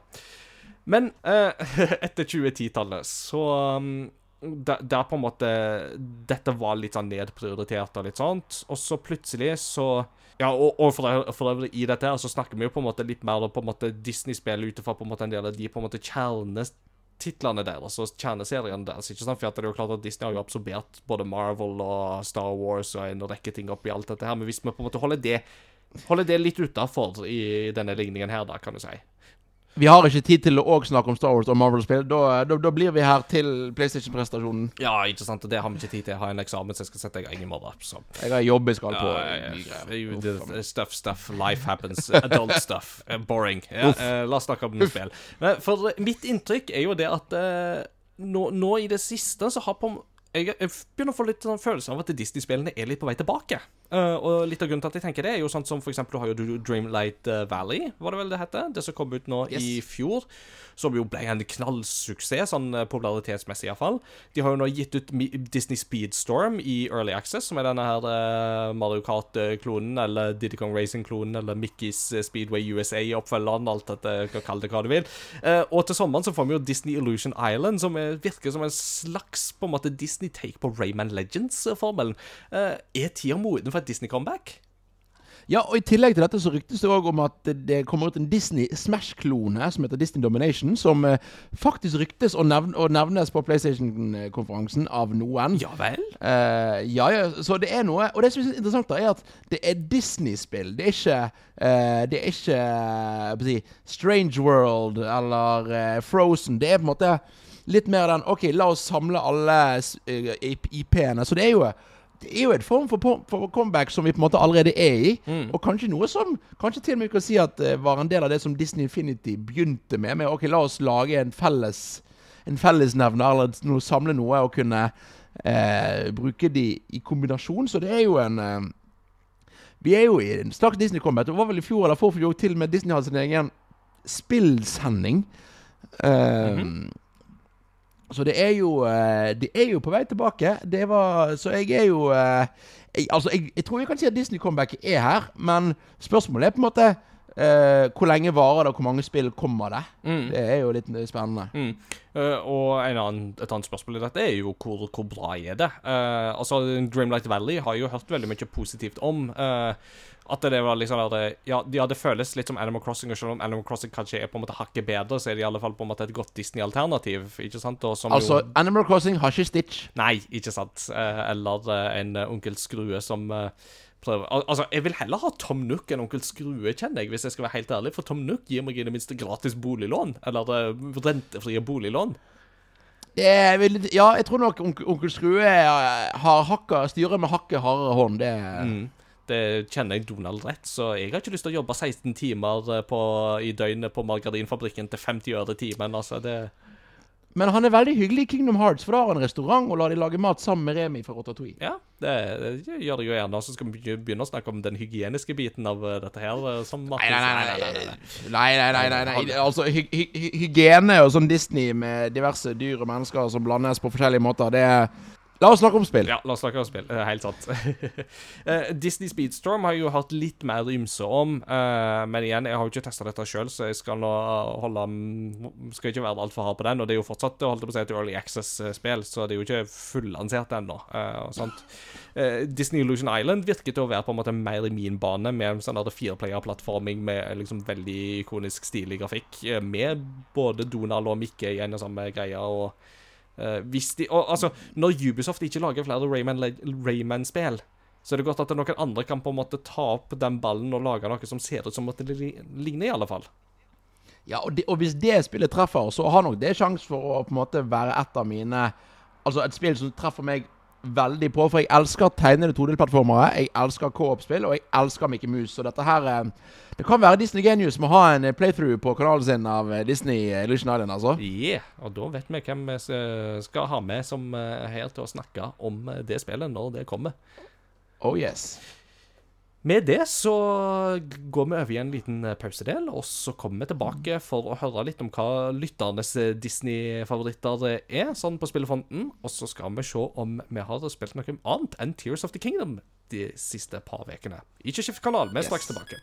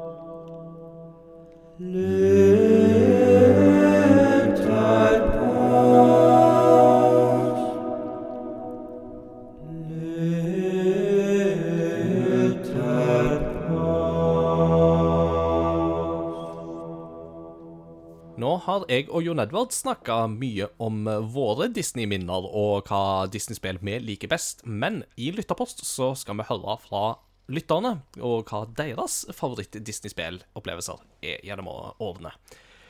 I Lytterpost da stiller vi lytterne våre spørsmål i de sosiale mediekanalene våre, primært da Facebook og Discord. og Lenker til disse finner du på crossovergaming.no, så bli gjerne med der. Eh, veldig kjekt med alle bidrag som kommer inn. Vi setter veldig stor pris på det. Ikke alle vi får lest høyt i episoden, men vi leser alle sammen, og vi setter veldig stor pris på alle tilbakemeldingene. Jeg tenkte at jeg skulle begynne på Facebook. Eh, der har David Pletten Aasgard skrevet Tarzan. Helt nydelig, en helt nydelig liten skatt jeg spilte på pappa sin Windows 98 som liten. Har det i voksen alder fått tak i det til PlayStation 1, og spiller det av og til på PlayStation 3 igjen. Så det er jo faktisk eh, godt å høre at det spillet lever i beste velgående den dag i dag. Iallfall de. Det er godt å høre. det er godt å høre. Eh, jeg kan ta Christian Kumlesopp, som skriver En gang på høsten i 2000 var ekstratingen i Donald-bladet noe litt utenom det vanlige. En CD-rom med demoen til det nye Quack Attack. Eh, for de som ikke har hørt om det, er det en Crash Bandicoot-klone med Donald Duck i hovedrollen. Lille meg ble stormforelsket i demoen og måtte få det til jul. Tror jeg rundet det seks-syv ganger de neste månedene. Og Quack Attack, det nevnte jeg litt før, det er jo òg et spill som, måtte, som som hører til historien. Jeg er ikke sikker på hvis vi spiller det i dag om det er like bra, men det var på tiden. så var det liksom, det var sånn det var, For meg er det sånn Ah, det hadde de alltid på Europris. Mm. Det, sånn, det var liksom alltid liksom i de de butikkene som ikke solgte de ordentlige spillene, men de hadde alltid sånn type Quack Attack og mm. uh, disse spillene. Det er, faktisk, det er, faktisk, helt sant. Quack Attack var et sånt spill mm. som vi så overalt. Uh, ja. Så det Ja. Og, og, da, bare for å nevne litt sånn callback til eh, denne episode 99, hvor jeg snakket om Kingdom Hearts, uh, så fortalte jeg historien om at jeg trodde Kingdom Hearts var en rip-off fordi karakterene så så like ut som Disney-karakterene. for jeg innså ikke at det var Disney. Og da, for det var liksom, da så jeg ofte sånn Quack Attack, Kingdom Hearts.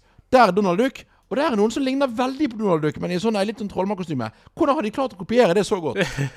så, det, så da Quack Attack er da andre siden av den historien. Ikke sant.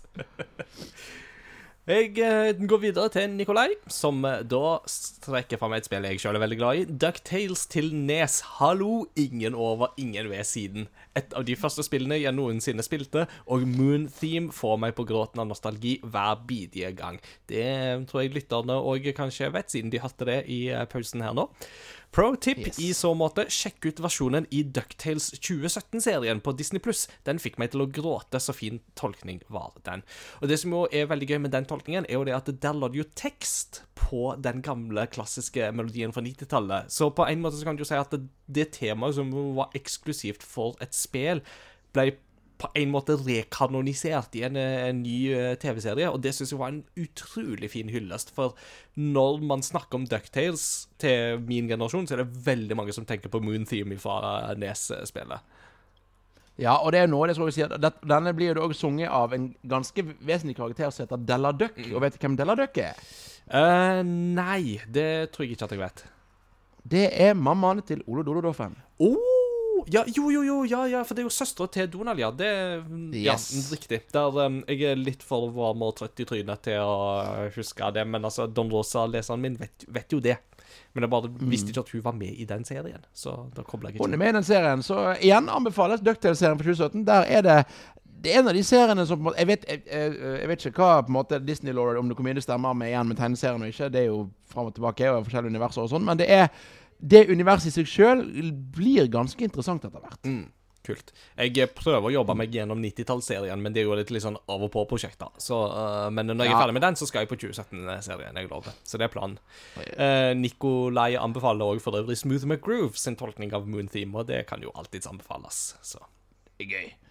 Espen Tveit eh, skriver 'Et kongerike for en lama'. Uh, spilte gjennom det spillet flerfoldige ganger. Det var plattforming, humor og utforskning i herlig harmoni.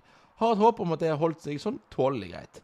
Jeg, i likhet med Kumlesopp, eh, også Quack Attack-demo i Donald-bladet, eh, og elsket det. Fikk riktignok aldri spilt hele spillet, men spilte demoen i hjel. Husker òg Disney Extreme Goofy Skateboarding som et gøyt alternativ til Tony Hawk-spillene. Mm. Ja, og, uh, Nå har jo ikke det noe med Extremely Goofy Skateboarding å gjøre, men en ting som jeg kom på, var, hvis jeg ikke husker helt feil, så var jo Goof Troop på Super Nintendo var jo et av de siste spillene som Shinji Mikami lagde, uh, før han begynte på Resident Evil. Ja. Så det, Artig. det er en kobling der, i alle fall, mener jeg, sånn langt bak. Eh, Så det er jo en veldig stor overgang i så fall. Det er, men apropos eh, Espen fikk meg til å komme på For jeg spilte nemlig ikke, ikke Disney Extremely Goofy Skateboarding, men Disneys Extre Extreme Skate Adventure var faktisk mitt første spill på PlayStation 2. For de fikk med konsollen. Eh, og det bruker samme spillemotor som Tony Hawk Pro Skater 4. Ja, Så det var faktisk et ganske bra spill. skal jeg si. Uh, ja, det, jeg, jeg husker òg at uh, jeg òg spilte Kongeriket for en lama. Eller det vil si, min fetter spilte gjennom spillet, sånn at jeg kunne prøve de levelene jeg, fikk- jeg syntes var gøy. Men jeg fikk ikke til hele spillet, så jeg måtte få hjelp til å komme til de levelene jeg syntes var gøy. Ikke sant. Eh, siste ut da er Benjo, som skriver Jo, nå skal du høre. Jeg tenkte først jeg skulle fortelle om Toy Story 2, som jeg spilte mye da jeg var liten. Men så kom jeg jo på at Disney eier The Simpsons, så da vil jeg også nevne The Simpsons Hit and Run. Så kom jeg på at Disney eier Marvel, så da kommer det jo inn spill for den fronten. Men når jeg tenker meg om, så har jeg ikke spilt så mange av de ennå. Har selvsagt spilt Lego Marvel Superheroes 1 og 2, men vil mest anbefale eneren der. Så kom jeg på at Disney eier Star Wars, og da må jeg jo begynne å liste opp spill for den franchisen. Primært Lego Star Wars, The Complete Saga, ikke Skywalker Saga, men også Kotor 1 og 2 og Battlefront 2. Det nye har ikke spilt, det gamle. Uh, Krokodillega, Princess Leia, Best Princess uh, PNG. Eh, Princess Leia, Best Disney Princess PNG. Eh, skal sies at de fleste nevnt her ikke var Disney-eid da de ble laget, men er kjøpt inn uh, av de i ettertid. Så om de ikke teller, så har jeg alltids Toy Story å falle tilbake på. Eh, godkjent svar, eh, men eh, jeg, jeg tror vi er glad for at ikke vi skal snakke om Marvel og Star Wars i dag òg, for da hadde vi én sittet her inne. Ja, Og det har vi ikke tid til, så la oss gå videre.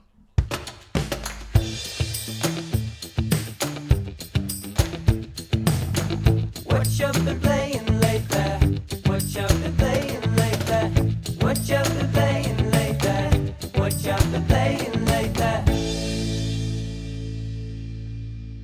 Ja, Jon Edvard, nå har jeg et uh, veldig viktig spørsmål å stille deg. Har du fått begynt på Tears of the Kingdom? Jeg har fått begynt. Yay! Jeg har ikke, jeg har ikke fått spilt i nærheten av nok. uh, jeg, jeg, jeg, jeg sitter og er, blar nervøst gjennom internett og, er redd for å bli spoilet på et eller annet, men jeg, jeg spiller. Og så jeg, jeg, vet ikke om jeg tør å snakke om det ennå, det er litt der, på en måte, men jeg, jeg, jeg koser meg. Men foreløpig så er det Breath of the Wild pluss. Ja, Uh, den, den uh, og, ja, ja, ja, ja, du, vær så god. Vær så god. nei, nei, jeg, jeg skulle bare si at jeg kjenner følelsen. Jeg kjenner veldig godt igjen den følelsen. Ja. Et, etter, og det er jo det som er gøy. ikke sant? Altså Sist gang så fikk jo jeg snakka veldig mye mm, Tears of the Kingdom, og fikk jo si det at nå gleder jeg meg til å se liksom verden oppdage dette spillet her. Og det har jo vært en veldig gøyal uke for meg å henge med på. og sånn. Eh, men det førsteinntrykket som du nevner der, det var jo et sånt førsteinntrykk som jeg har satt med. ikke sant? At det er jo sånn der, Ja, det er veldig mye bra her, men det, det er jo det at det står på skuldre Altså på kjempers skuldre. ikke sant? Altså Det er den der det, Så noe av den wow-faktoren var liksom litt vekke til å begynne med.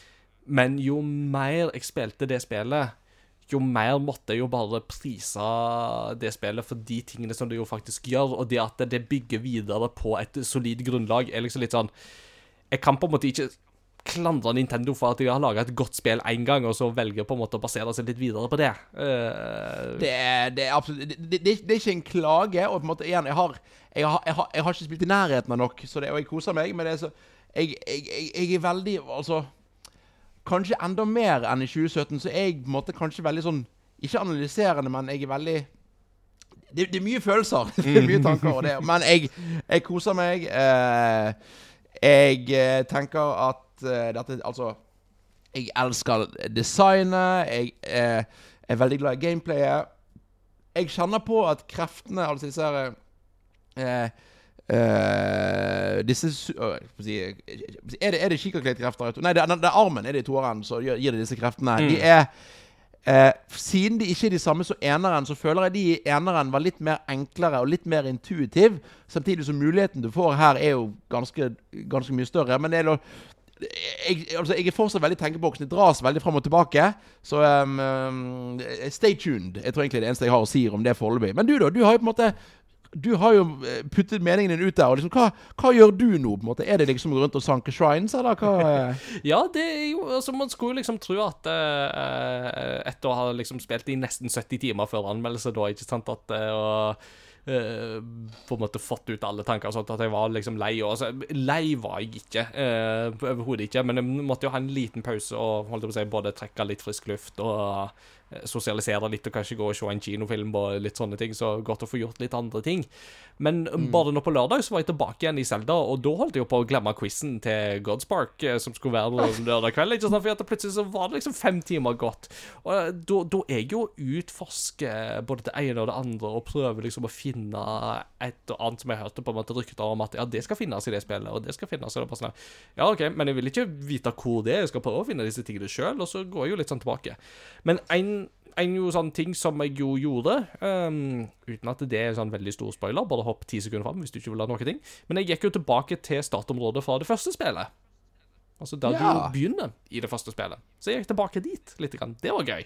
Uh, Gøy. Ikke minst veldig nostalgisk. Uh, veldig sånn Wow, her har jeg vært før, liksom. Den, den følelsen der. Og den, den er det jo mye av i, Breath, uh, i Tears of the Kingdom. Det er jo den der det- nostalgien, ikke sant. Altså, du, du føler jo som at du kommer tilbake igjen til et sted du har vært mange ganger før, og så har det jo samtidig skjedd ting. Eh, Ja, og, måte, og den følelsen har jeg på en måte allerede, liksom. Og det er jo, det er jo som å ta på seg eh, si, eh, godt kjent par med bukser. Det er liksom sånn, det er noe med godt å komme tilbake. Og jeg har jo gått tilbake til Breath of the Wild, men jeg har jo liksom kjent på at det var ikke like spesielt som den uken, den måneden i 2017. Men her det er liksom åh, det er godt å være tilbake i en lignende verden, men ikke bare det samme spillet en gang til. Så det er- Jeg ser den på en måte med at det er det er, det, er, det er spennende på en måte med såpass Med, med den oppfølgeren på denne måten her, altså. mm. Eh, Et lite spørsmål som jeg har til deg der i den forbindelse, er Var du i det hele tatt ute noe på 17. mai, eller satt du bare inne og spilte Tears of the Kingdom? Nei, vet du hva? Jeg var faktisk eh, jeg, eh, jeg, jeg spilte bare tre timer Tears of the Kingdom på 17. mai. Ai, ai, ai, ai, ai. Det, du vet, min, min far holdt tale på barne, lokale barneskole, og så hadde jeg venner som ville være med meg. Og så måtte jeg spille Mario Party med de, og Ah, Hårda bud, Uff a meg. hårda bud, hårda bud. Nei, det var, det var jo litt sånne ting som det der som jo gjorde at jeg måtte liksom kalkulere når jeg fikk spørsmål om jeg ville anmelde Tears of the Kingdom, var jo liksom sånn bevisst, Som Peter sa, vi visste alle at jeg kom til å si ja, men jeg måtte jo likevel drive på kalkulere for ja, det overskudd og alle sånne ting. Men så visste jeg jo det at ja, men jeg får jo mine foreldre på besøk fra 16. til 20. mai, liksom. Det Da får jeg iallfall ikke spilt noe. Da har jeg dritlyst til å spille. Eh, da er det bedre at jeg får spilt det før lansering, for da, da er det ingen eh, veldig, glad i mine, veldig glad i mine foreldre. Jeg er det, så ingenting å se på. og veldig glad i Zelda. Ja, og veldig glad i Zelda. Det er lov å man can like two things. Absolutt. Hva mer, men hva mer har du spilt, Inger? Nei, jeg vil høre fra deg, jeg, nå. Eh, Nei, men Nå er jeg litt redd for å komme inn på dette temaet som heter Advance Wars. For jeg er redd for at jeg må skuffe deg, Ingar. nei, men altså, det er veldig lov å skuffe meg, det, altså. Det, men eh, jeg, jeg blir ikke skuffa, bare veldig, veldig sint. Nei da. Å ja, da. Ja, med det sier vi takk for i dag. Ha det! Og jo, Edvard, eh, vi mista den i en vulkan. Å Beklager. nei. Men eh, nei. uh, eh, Advance Wars, fortell. Jeg har spilt uh, Advance Wars. Jeg har Jeg ser at det er kvalitet, men det, dette er bare sånn spill bare sånn Wow, dette er bra! Wow, dette er ikke for meg. uh, det er liksom for um, For det er jo mye Altså, det er systemer, og det er forskjellige på en måte Disse enhetene tar best disse idéområder, og det, det blir fort ganske komplekst. Eh, og for noen altså det er på en måte Og det er jo noe så kjempespennende å sette seg inn i hvis man syns det er spennende. Mm. Uh, men jeg er sånn her ok, Altså Vet du, jeg, jeg skulle sikkert hatt et Advance Wars Junior. Det hadde sikkert passet perfekt for meg. Hvor du har tanks, og du har fly, og du har båt. That's it, liksom. Det. Jeg kjente på en måte at det ble um, Systemene i seg sjøl og gameplay-mekanikken var ikke nok til å holde meg på plass. Og historien er jo på en måte Det er jo pynt. Ja, ja, den den er jo ikke eksisterende. Nei, nei, nei, nei, nei. Så det, og det samme med både stil og musikk og alt mulig annet. måte, så det at eh, Hovedmekanikken Og jeg var, var veldig tydelig på det. Liksom, det, er ikke dårlig. Det bare er sånn Nei, dette er bra, men det er ikke for meg. Så da, eh, måte, og, det, og det er greit. Ja, og det er helt greit. Det, jeg er enig i det, altså. Det, så jeg er ikke skuffa over det. altså. Det, jeg har veldig, veldig forståelse for det. Eh, Ja. Det jeg jo lurer litt på i den eh, konteksten, er jo hva Altså, har du noe um, generell erfaring med på en måte sånn type taktiske rollespill Altså Fire Emblem, Tactics Ogre, Triangle Strategy, uh, Final Fantasy Eh, Tactics, XCOM Ja, f- eh, jeg har litt erfaring med i hvert fall med Final Fantasy Tactics, og litt sånn Og har prøvd litt spill her og der, og har likt noen. Og andre har jeg følt jeg drukna litt i systemer i. Og dette ble nok et av de på en måte hvor jeg eh, Jeg, jeg er nok ikke en eh, Tactics-fyr, men så har jeg hørt så mye om Advance Wars at jeg hadde lyst til å på en måte dyppe tærne nedi og se om det var noe for meg. Og det var det dessverre ikke. Og, men da blir mitt neste spørsmål Jeg har aldri prøvd Fire Emblem. Bør jeg prøve det, eller tror du på en måte at vil jeg da heller ikke Altså, hva, jeg vet ikke hva, de, de, I de to minuttene jeg har snakket nå, hva tror du da er mine sjanser for å like Fire Emblem? Eh, det Fire Emblem har eh, som en fordel, er jo det at eh, Fire Emblem-spillene har jo mer fokus på historie og rollefigurer. Ja. Så hvis det er på en måte et stort tankepunkt, så har jo Fire Emblem absolutt mye å komme med. Eh, da kommer det jo litt an på hva spill du på en måte går til. ikke sant? Altså, Du har jo sånne spill som f.eks. Three Houses, er jo veldig fokusert på på en måte en veldig intrikat historie og uh, branching storylines og litt sånne ting. Så jeg følte jo at det var et spill som på en måte mista litt fokus, egentlig, fordi at uh, historien havner litt an alle veier. Mens historien i det nyeste, Engage, er jo veldig enkel igjen, altså, for den er basically det, Ond drage våkner etter 1000 år, han slem, gå og slåss. OK! Det er basically det du har der, ikke sant? Også, Ah, Advance Wars, da. ja, så Advance Wars, basically. Men, men uh, Engage har veldig engaging uh, kampsystem. Hey! Altså, så, sånn rent på en måte Fire Emblem-kampsystemmessig så syns jeg at det er et spill som er på en måte veldig enkelt og greit å sette seg inn i og sånt. Men jeg tror jo kanskje at hvis det er et Fire Emblem-spill som jeg ville begynt med, uh, som på mange måter for meg står som et av de beste spillene i serien, så ville jeg gått tilbake til det tredje spillet, Fire Emblem Awakening. Ja. For det var jo spillet som revitaliserte uh, Fire Emblem langt på vei. Det var jo Intelligent Systems var egentlig litt sånn at Fire Emblem solgte ikke så veldig bra lenger i forhold til innsats og sånt, og da var Awakening var egentlig litt sånn deres på mange måter det de tenkte kun, kom til å være det siste spillet de lagde i den serien. Så da pøste de bare på en måte inn med alt de hadde av ideer og alt sånt. Og det er på en måte det spillet som perfekt balanserer både på en måte mestring, eh, vanskelighetsgrad, men òg historie, rollefigurer, musikk Øh, eh, Alt i alt et meget, meget bra spill. Så får du tak i Fire Emblem på 3DS, så er det kanskje der jeg ville begynt, altså, hvis det er noe du syns hadde vært interessant å, å prøve deg på. Ja, det er notert. eh, hmm, kanskje hmm, Ja, det er Kanskje det skal være det. Jeg skal litt rundt om i sommer og reise litt. Kanskje jeg må pakke med meg 3DS-en og Fire Emblem. Ja, og 3DS. Hvis, jeg, hvis jeg er ferdig med Zelda. Så, Ja, så- så- ja, Vi blir jo aldri ferdig med Zelda. På et eller annet tidspunkt så må du jo bare Nei. på en måte si at nå, nå er jeg ferdig. Men jeg er helt, Ja. helt klart Zelda er første pri akkurat nå. Det eh, holder jeg veldig med deg i. Og ja. eh, som jeg jo sa sjøl, altså jeg, jeg har jo ikke lagt det helt fra meg sjøl heller. Jeg kommer jo til å plukke det opp litt sånn nå og da. Plukke opp eh, litt sånne ekstra aktiviteter her og der. Og det er jo mange side activities og side missions og den slags som jeg ikke har gjort. Så det her, det, det er jo så mye å utforske. Så det er bare en glede. Absolutt. Absolutt. Mm. Hadde du noe mer til bordet, eller?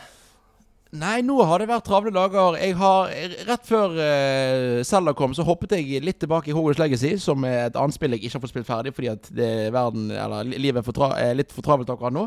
Uh, og det er jo sånn der Ja, dette er bra. Dette vil jeg spille mer av. Har ikke tid, og nå kom Zelda. Vi har ikke tid, for vi må spille Zelda. Vi må spille Zelda. Der har vi slagordet, eh, kampsangen, klar allerede. Oh, yes. Overwatch 2 skal jeg ikke snakke mer om, det har jeg snakka noe om i dag. Um, Boo! ja, nei, men altså, Overwatch 2 er fortsatt gøy. Koser meg med det. Så bare si ifra hvis dere har lyst til å spille. Men jeg har jo da endelig fått um, Jeg nevnte så vidt i forrige episode at jeg hadde fått inn en time i Resident Evil 4 Remake, og nå har jeg fått inn i alle fall ti timer til i det spillet, og yeah. koser meg veldig med det. Uh, det er, i, det det er veldig tydelig bygd på DNA-et til det originale Resident Evil 4, samtidig som at de har tatt seg eh, noen friheter her og der, som bygger videre på det spillet, og som utvider det for det meste til det bedre, vil jeg si. Eh, et par små drawbacks eh, har spillet. Um, dette er jo litt sånn risikabelt terreng å vandre litt i, men det er jo noen av disse rollefigurene har jo på en måte fått en litt sånn ny drakt, eh, og nye stemmer og litt sånne type ting. Eh, altså, Lian er jo Lian, eh, og jeg, altså, Lian er seg sjøl lik i dette spillet, og pris uh, Shinji Mikami for det. Uh, ikke at han hadde hatt noe med dette spillet å gjøre, men uh, i- Bare, Bare, priser ja, for det. ja, men, han hadde med originalen å gjøre, i alle fall.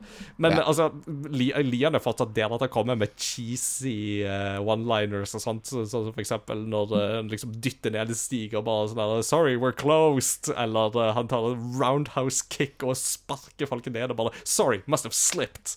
Eller min Ja, for... men- ja. Nei, ja, ja, men for det jeg bare lurer på en måte liksom, eh, Og da, når vi da kom til 2023, funker det fortsatt? Ja, det funker fortsatt. Eh, Fordi at Ja. det er eh, Framfor det på en måte bare sånn at Nei, nå er det 2023, da kan vi ikke være cheesy og campy lenger. Så er de bare sånn her Nei, nei, Resident Evil skal være sånn. Altså, De Ja. bare går liksom all in på det. Altså, de, de eier det. Um, eller eh, sånn som min favoritt, han har datt ned i en brønn der det tydeligvis har blitt kasta folk ned i løpet av mange hundre år. Og du finner en stakkars fyr som ble spidda på en påle for mange hundre år siden. Og bare sånn Talk about sticking the landing, hæ? Åh, Så det er sånn Yes! jeg liker det. Og i, ikke minst eh, tidenes eh, beste handelsmann, bortsett fra Beatle i Selda, Zelda, nemlig The Merchant, er jo tilbake, og han har fått eh, mange flere voice slides, og det er en fryd. Altså jeg liker kanskje ikke den nye stemmeskuespilleren like godt som han originale, men jeg ler hver gang han uh, merchanten sier 'Gun rhymes with fun for a reason, stranger'. Ah! åh, det er så teit. Det er så teit, og det er så bra! Det, Ja, det, det. Eh, Så det er ja, Akkurat så teit som det skal være. akkurat så teit som det skal være. Um, Ashley, som jo er presidentdatteren du jo skal redde i dette scenarioet her, er jo, har jo fått et nytt design og ny stemmeskuespiller. Jeg syns det funker veldig, veldig bra. Uh, hun kunne jo dessverre bli litt masete og hadde et litt rart uh, figurdesign i det gamle spillet. Nå, nå syns jeg hun fungerer mye bedre langt på vei. Uh, både fordi at du får på en måte flere dialoger litt sånn smått og sånt underveis her og der, og fordi at hun er på en måte mer deltakende òg i, i dette her. da. Litt mindre hjelpeløs, så det hjelper jo på. Uh, men så har du jo sånne som um, Ada Wong, som dukker opp i dette spillet her, som er en sånn birollefigur som må ha en litt sånn brokete historie med Lian. Der føler jeg jo dessverre at eh, de ikke har truffet helt. Uh, og litt av dette har litt med både at figuranimasjonene er veldig stive og veldig sånn plastikkaktige på henne, men òg fordi at stemmeskuespillet føles veldig slapt. Og det som er litt sånn synd her, er jo det at uh, dette er jo en gang der Capcom faktisk har kasta en asiatisk-amerikansk skuespiller til å portrettere den asiatisk-amerikanske rollefiguren i denne spillserien. Eh, og da har jo hun naturligvis eh, fått tyn, og mye av den tynen har jo vært veldig upro... Altså, har jo, holdt på å si, vært sånn som internett er. Altså, ikke Ja. sant, veldig giftig og veldig dårlig. Eh, og det er Sånn skal det jo ikke være. Men samtidig så vil jeg nok dessverre si at i den grad man skal på en måte kritisere noen av performancene i dette spillet, så er det nok dessverre den som på en måte treffer meg minst, altså. Det er uh, Ja. Men, men, altså, men altså, jeg, jeg flipper ikke bord og kommer med dødstrusler på nett av den grunn. Altså, det er It is what it is, liksom, ikke sant? Ja, og det tror jeg er veldig viktig, det å i Altså i spill som kunstform som skal utvikles, og det å klare å si at altså Uansett eh, Altså, alle, alle er velkommen uansett måte, hvor du er fra, eller fortiden. måte der. Men samtidig så må vi jo da på en måte klare å finne balanse hvor vi ikke sender dødstrusler, men vi kan si at dette, på måte, dette har forbedringspotensial. Det er å finne den middelveien der. Og det måte, men det er jo, det er jo vanskelig, kanskje, i hvert fall akkurat når ting er så, eh, er så polarisert. Så det, men, eh, men det, og, det, og så er jo det synd at det er sånn, da. Men jeg har alltid vært nysgjerrig på Resident Evil-serien. på en måte, og Er det to, er det fire, er det remake, er det ikke remake? Altså, Resident Evil 4 remake Er det et godt sted å begynne? Ja, det vil jeg si. Uh, Resident Evil 4 var jo det første Resident Evil-spillet jeg spilte sånn skikkelig. Altså, jeg hadde jo liksom steifa innom Resident Evil 1 litt sånn her og der, og litt sånn, men aldri tort å på en måte spille det sjøl sånn skikkelig og alt sånt. Og, og da var jo Resident Evil 4 det første spillet som jeg spilte. Og det som fortsatt funker veldig bra i denne nye versjonen, her, er jo det at Resident Evil 4 går den perfekte balansegangen mellom å være litt skummelt og litt action. Altså, det går Ja. altså den perfekte balansegangen der mellom action og intensitet og nifshet, og aldri for skummelt, men samtidig litt creepy med disse spanske bøndene som plutselig popper hoder, og så vokser det holdt på å si, sånne svære tentakler ut av hodene på de, og sånne parasitter og så bare sånn. Sjarmerende. Veldig sjarmerende. Uh, så ja. Eh, så jeg kan absolutt anbefale Resident Evil 4 hvis det er, man har et ønske om å på en måte dykke litt inn i Resident Evil-serien. Um, Du kan gjerne spille originale Resident Evil 4 òg, hvis du er nysgjerrig på det. Altså, Det er jo tilgjengelig på alle slags plattformer, inkludert på de moderne plattformene. Så er jo det tilgjengelig i en HD-utgave, og det spillet har holdt seg utrolig godt. Det spilte jo nylig Wii-versjonen av, og jeg storkoste meg jo med det. Hvis du skulle spilt én versjon av Resident Evil 4, hva skulle du spilt? Å, nå spør du godt, altså. Det Jeg må jo innrømme jeg er jo veldig svak for Wii-versjonen, altså. Eh, fordi at det var et spill som brukte på en måte Wii-moten så bra med på en måte sånne sånn light gun-effekt og sånne type ting. Eh, men samtidig, det er noen sånne ting de gjør i den nye versjonen her som òg liker, så Hvis jeg ikke har lyst på motion controls ja. Da er det kanskje best å spille den nye versjonen her, da, altså. Det tror jeg nok at jeg må si. Jeg spiller jo på PlayStation 5, og du kjører veldig bra på PlayStation 5. Så ja. Det er liksom De, de, de har på en måte bygd videre på et godt grunnlag her på de aller fleste områdene, og det, det solide grunnlaget her gjør jo det at det spillet står seg veldig veldig sterkt. Eh, og ikke bare fordi at grunnlaget er sterkt, men også fordi at arbeidet deres er jo solid. ikke sant? Men det er jo det at Resident Evil 2 var jo kanskje der de imponerte aller aller mest. For det var jo et spill som kanskje trengte en remake i mye større grad. Eh, Resident Ja. Evil 4 har kommet ut så mange ganger på forskjellige plattformer at det har egentlig tålt den tidens tann ganske greit, da, kan du si. Eh, Men jeg vil nok si at det er nok lettere å sikte her eh, enn det er i type en PlayStation 4-versjon av originalen, f.eks. Så ja. Eller så fins jo originalen i VR òg. Eh, så hvis du har eh, Metaquest 2, er det vel, tror jeg, at du får Evil 4 VR på. Så det skal visstnok være veldig, veldig bra. Så ja. Ellers, i retrospillauget så har vi nå begynt på Star Wars, Nights of the Old Republic. Jeg tror ikke folk helt eh, var klar over at det kom til å sammenfalle med Tears of the Kingdom, for da fikk vi plutselig to veldig store spill å spille parallelt med Oi, hverandre. oi. oh. Men uh, det, det Som han ene senatoren fra Naboo sier We're a democracy. The people have decided. Så da spiller vi Star Wars Nights of the Old Republic.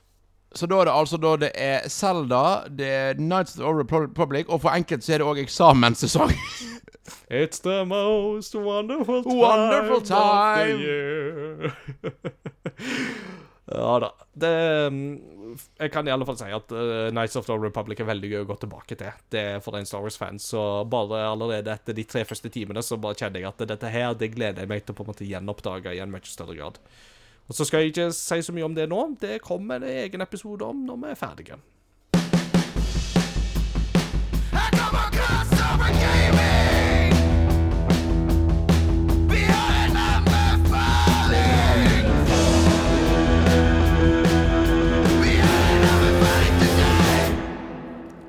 Ja, i dagens anbefalingsspalte så er jeg litt spent, for nå tror jeg ikke vi har avtalt på forhånd hvem av oss som har en anbefaling på lur, så hvem av oss har lyst å komme med en anbefaling? Uh, uh, jeg har en kuriositet, Ja? Uh, og så skulle jeg tenke på en anbefaling. Ja? Og nå og, eh, eh, eh, Nei, eh, har du en anbefaling, Inger? Ja, altså, nå Gå ut, og se, gå, gå, gå ut og se på solen etter å ha spilt Zelda. Ja, det er faktisk en av de beste anbefalingene jeg kan komme med akkurat nå. Gå deg en tur i eh, skogen. Det kan være veldig deilig på denne tida av året. Men eh, jeg kan jo blant annet anbefale Guardians of the Galaxy volum 3. Uh, det Ja. kan jeg jo for eksempel gjøre. Uh, for den var jeg og Benjop og Sigrud og så på kino på søndag som var. Eh, gå på kino søndag eh, relativt tidlig på dagen, altså sånn rundt 12-1, når det er sol og fint vær ute, så garanterer jeg deg at det er lite folk, eh, så det kan være lurt. Eh, men Yes. altså, det, dette var en sånn film som jeg hadde på en måte Jeg hadde ikke sett noen trailere eller noen ting, og hadde veldig li... Jeg tenkte liksom ikke så mye på på en måte hva det var jeg kom til å se. Um, jeg kom til å se en, en Marvel-film, liksom, tenkte jeg, men de klarte å levere, altså. Det, James Gunn har den der klassiske greia med at hvis han får lov å bruke den spillelista han vil, og kan kjøre ting i litt slow motion av og til, så funker det veldig bra. Eh, og James Gunn bruker ikke slow motion like mye som eh, det Zack Snyder gjør, noe som betyr at eh, det blir mye mer effektivt, og det blir mye mer morsomt. Og jeg må si at The Guardians 3 den traff meg av og til. altså På et, det emosjonelle nivået så har det noen sånne punkt her og der der den treffer meg veldig godt. Ehm, så i det store og det hele så vil jeg anbefale den. Selv om jeg nok Jeg merker nok litt at noen av skuespillerne er nok litt trøtte og slitne av uh, disse rollene, men i det store og det hele så var det en god Marvel-opplevelse likevel. Og hvis du syns at fase fire har vært litt steil, så er kanskje dette filmen som passer bra for deg. Ja, jeg tror nok òg at dette er min favoritt-Marvel-film siden Into the uh, Nei, uh, siden uh, no, no Way Home. Spiller Ja. No Way Home. Eh, og jeg syns den var veldig kjekk. Jeg tror jeg liker den nok bedre toeren. Jeg blir bedre enn toeren, men jeg liker nok eneren best av disse tre. Eh, men uh, veldig kjekk, og definitivt verdt å få denne opplevelsen. Det var jo snakk med at James Gunn var ute av Marvel og så inne igjen og sånn. Nå er han jo for DC. Um, og jeg, jeg, jeg syns dette ble en verdig avslutning. Mm. Ja, og det er noe med det. Det er en sånn, det er en sånn finalitet over denne filmen her som føles, altså, den føles veldig avsluttende, ikke sant? Og det Ja. Og så fikk jeg veldig lyst til å gå tilbake og spille Guardians of the Galaxy-spelet. Uh, som Ja. kom for halvannet år siden. Så kanskje det er liksom dagens anbefaling. Gå tilbake og spill Guardians of the Galaxy-spelet hvis du ikke har gjort det ennå, for det er dritbra. Vi kom der til slutt. Ja. For dette er en hebreke pachinko-kontroller til Super Nintendo. It's curiosity. What are you gonna show to me? It's curiosity. What a neat thing to know. It's curiosity. What are you gonna show to me? I haven't even heard of it. What a neat thing to know. It's a great part of the show. Kuriositet, derimot, der har vi avklart på forhånd hvem som skal eh, ta seg av det. Så um, Jon Edvard, take it away. Yes, og jeg, eh, jeg holder meg i stemmeskuespillerhjørnet. Jeg skal I dag skal jeg snakke om eh, ikke Kingdom Hearts, og ikke engang Disney. Jeg skal eh, snakke om min Mitt favorittspill noen gang er jo da Sly Cooper 2. eh, og jeg skal snakke om to av stemmeskuespillerne fra Sly Cooper-serien. og den første av de er Kevin Miller. Men stemmen som Sly Cooper, det var ikke Kevin Miller sin første jobb i forbindelse med dette spillet. OK? Han satt og var studiotekniker på alle som spilte inn audition for å spille Sly Cooper. Ja. Uh, så betyr at uh, han og dette han snakket om i han, har han hadde en egen podkast hvor han snakket om at det han gjorde Han satt og hørte på alle de andre skuespillerne som gikk på audition for Sly Cooper. Og så fulgte han med på liksom hva det produsentene likte. Og så prøvde han å tilpasse sin audition som Sly Cooper etter de andre. Eh. Og det, og det som er morsomt, er at historien går at de hadde to for, Altså to liksom som ledet på liksom, For da skulle da Studio Sucker Punch skulle liksom stemme Ok, hvilken stemme liker vi best Sly Cooper. Så hadde de to forskjellige skuespillere som var helt likt, som alle likte veldig godt. Og nummer tre var Kevin Miller. ja. Så det er sånn Å ja, det, vi klarer ikke å bli enige om disse to her. Vi går for tredjemann. Jeg må det si det, veldig, det var veldig sly av han å gjøre det sånn. Ey, ja, kanskje til og med han stjal rollen, om man kan si det. Så det er, så det er jo en litt uh, artig greie. Og uh, for Sly Cooper-spillet brukte ikke de mest profilerte skrem- skremmeskuespillere. De brukte på en måte uh, litt skuespillere fra de litt mindre byene. Og i, i sted, Bentley, som da er assistenten til, eller vennen til Sly, han ble da eh, Så ble da enespillprodusenten sin kompis, som het Matthew Olsen uh, Han spilte inn altså sånn temp tracks. Altså liksom Å ja, vi trenger noen som kan spille denne stemmen i demoen Mm. uh, til Bentley. Og så eh, Og så eh, spilte han det, og så, på en måte, og så begynte auditionrunden. Og så sa de OK, vi trenger noen som høres ut som han her. Og så fant de ingen som hørtes ut som han her, og så plutselig innså de Vent litt. Han fyren som spilte inn demostemmene, han finnes jo. Så, så han, han høres jo ut som han. så uh, Kevin Miller han stjal audition, og Matthew Olsen var bare, var bare midlertidig stemme. Men de to ble da stemmene til Sly og Bentley, og har spilt i fra Sly Cooper 1 til Sly Cooper 4. Og eh, har liksom for begge de to så er nok det de mest kjente rollene de har hatt. Kult. Ah, det, dette var det, det er alltid en eh, fryd når du tar kuriositetene. Da lærer jeg òg noe, så det går alltid gøy. Det er kjekt å få lov å bidra. Jo da.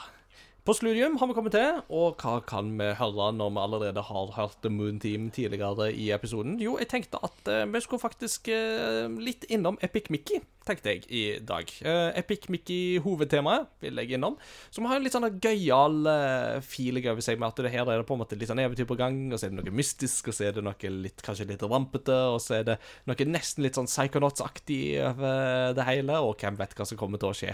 Og den musikken er det James Dooley som eh, sto for, så det blir eh, en artig liten segment å avslutte med. Ja, med det så gjenstår det egentlig bare for oss å takke for følget. Eh, har du ikke gjort det allerede, så del gjerne denne podkasten med dine venner og kjente. Eh, lenker til våre sosiale medier finner du på crossovergaming.no. Der finner du òg noen anmeldelser og noen andre skriverier og lignende. Og så er vi tilbake igjen om et par ukers tid, så vi snakkes ved neste korsvei. Ha det bra! Ha det bra!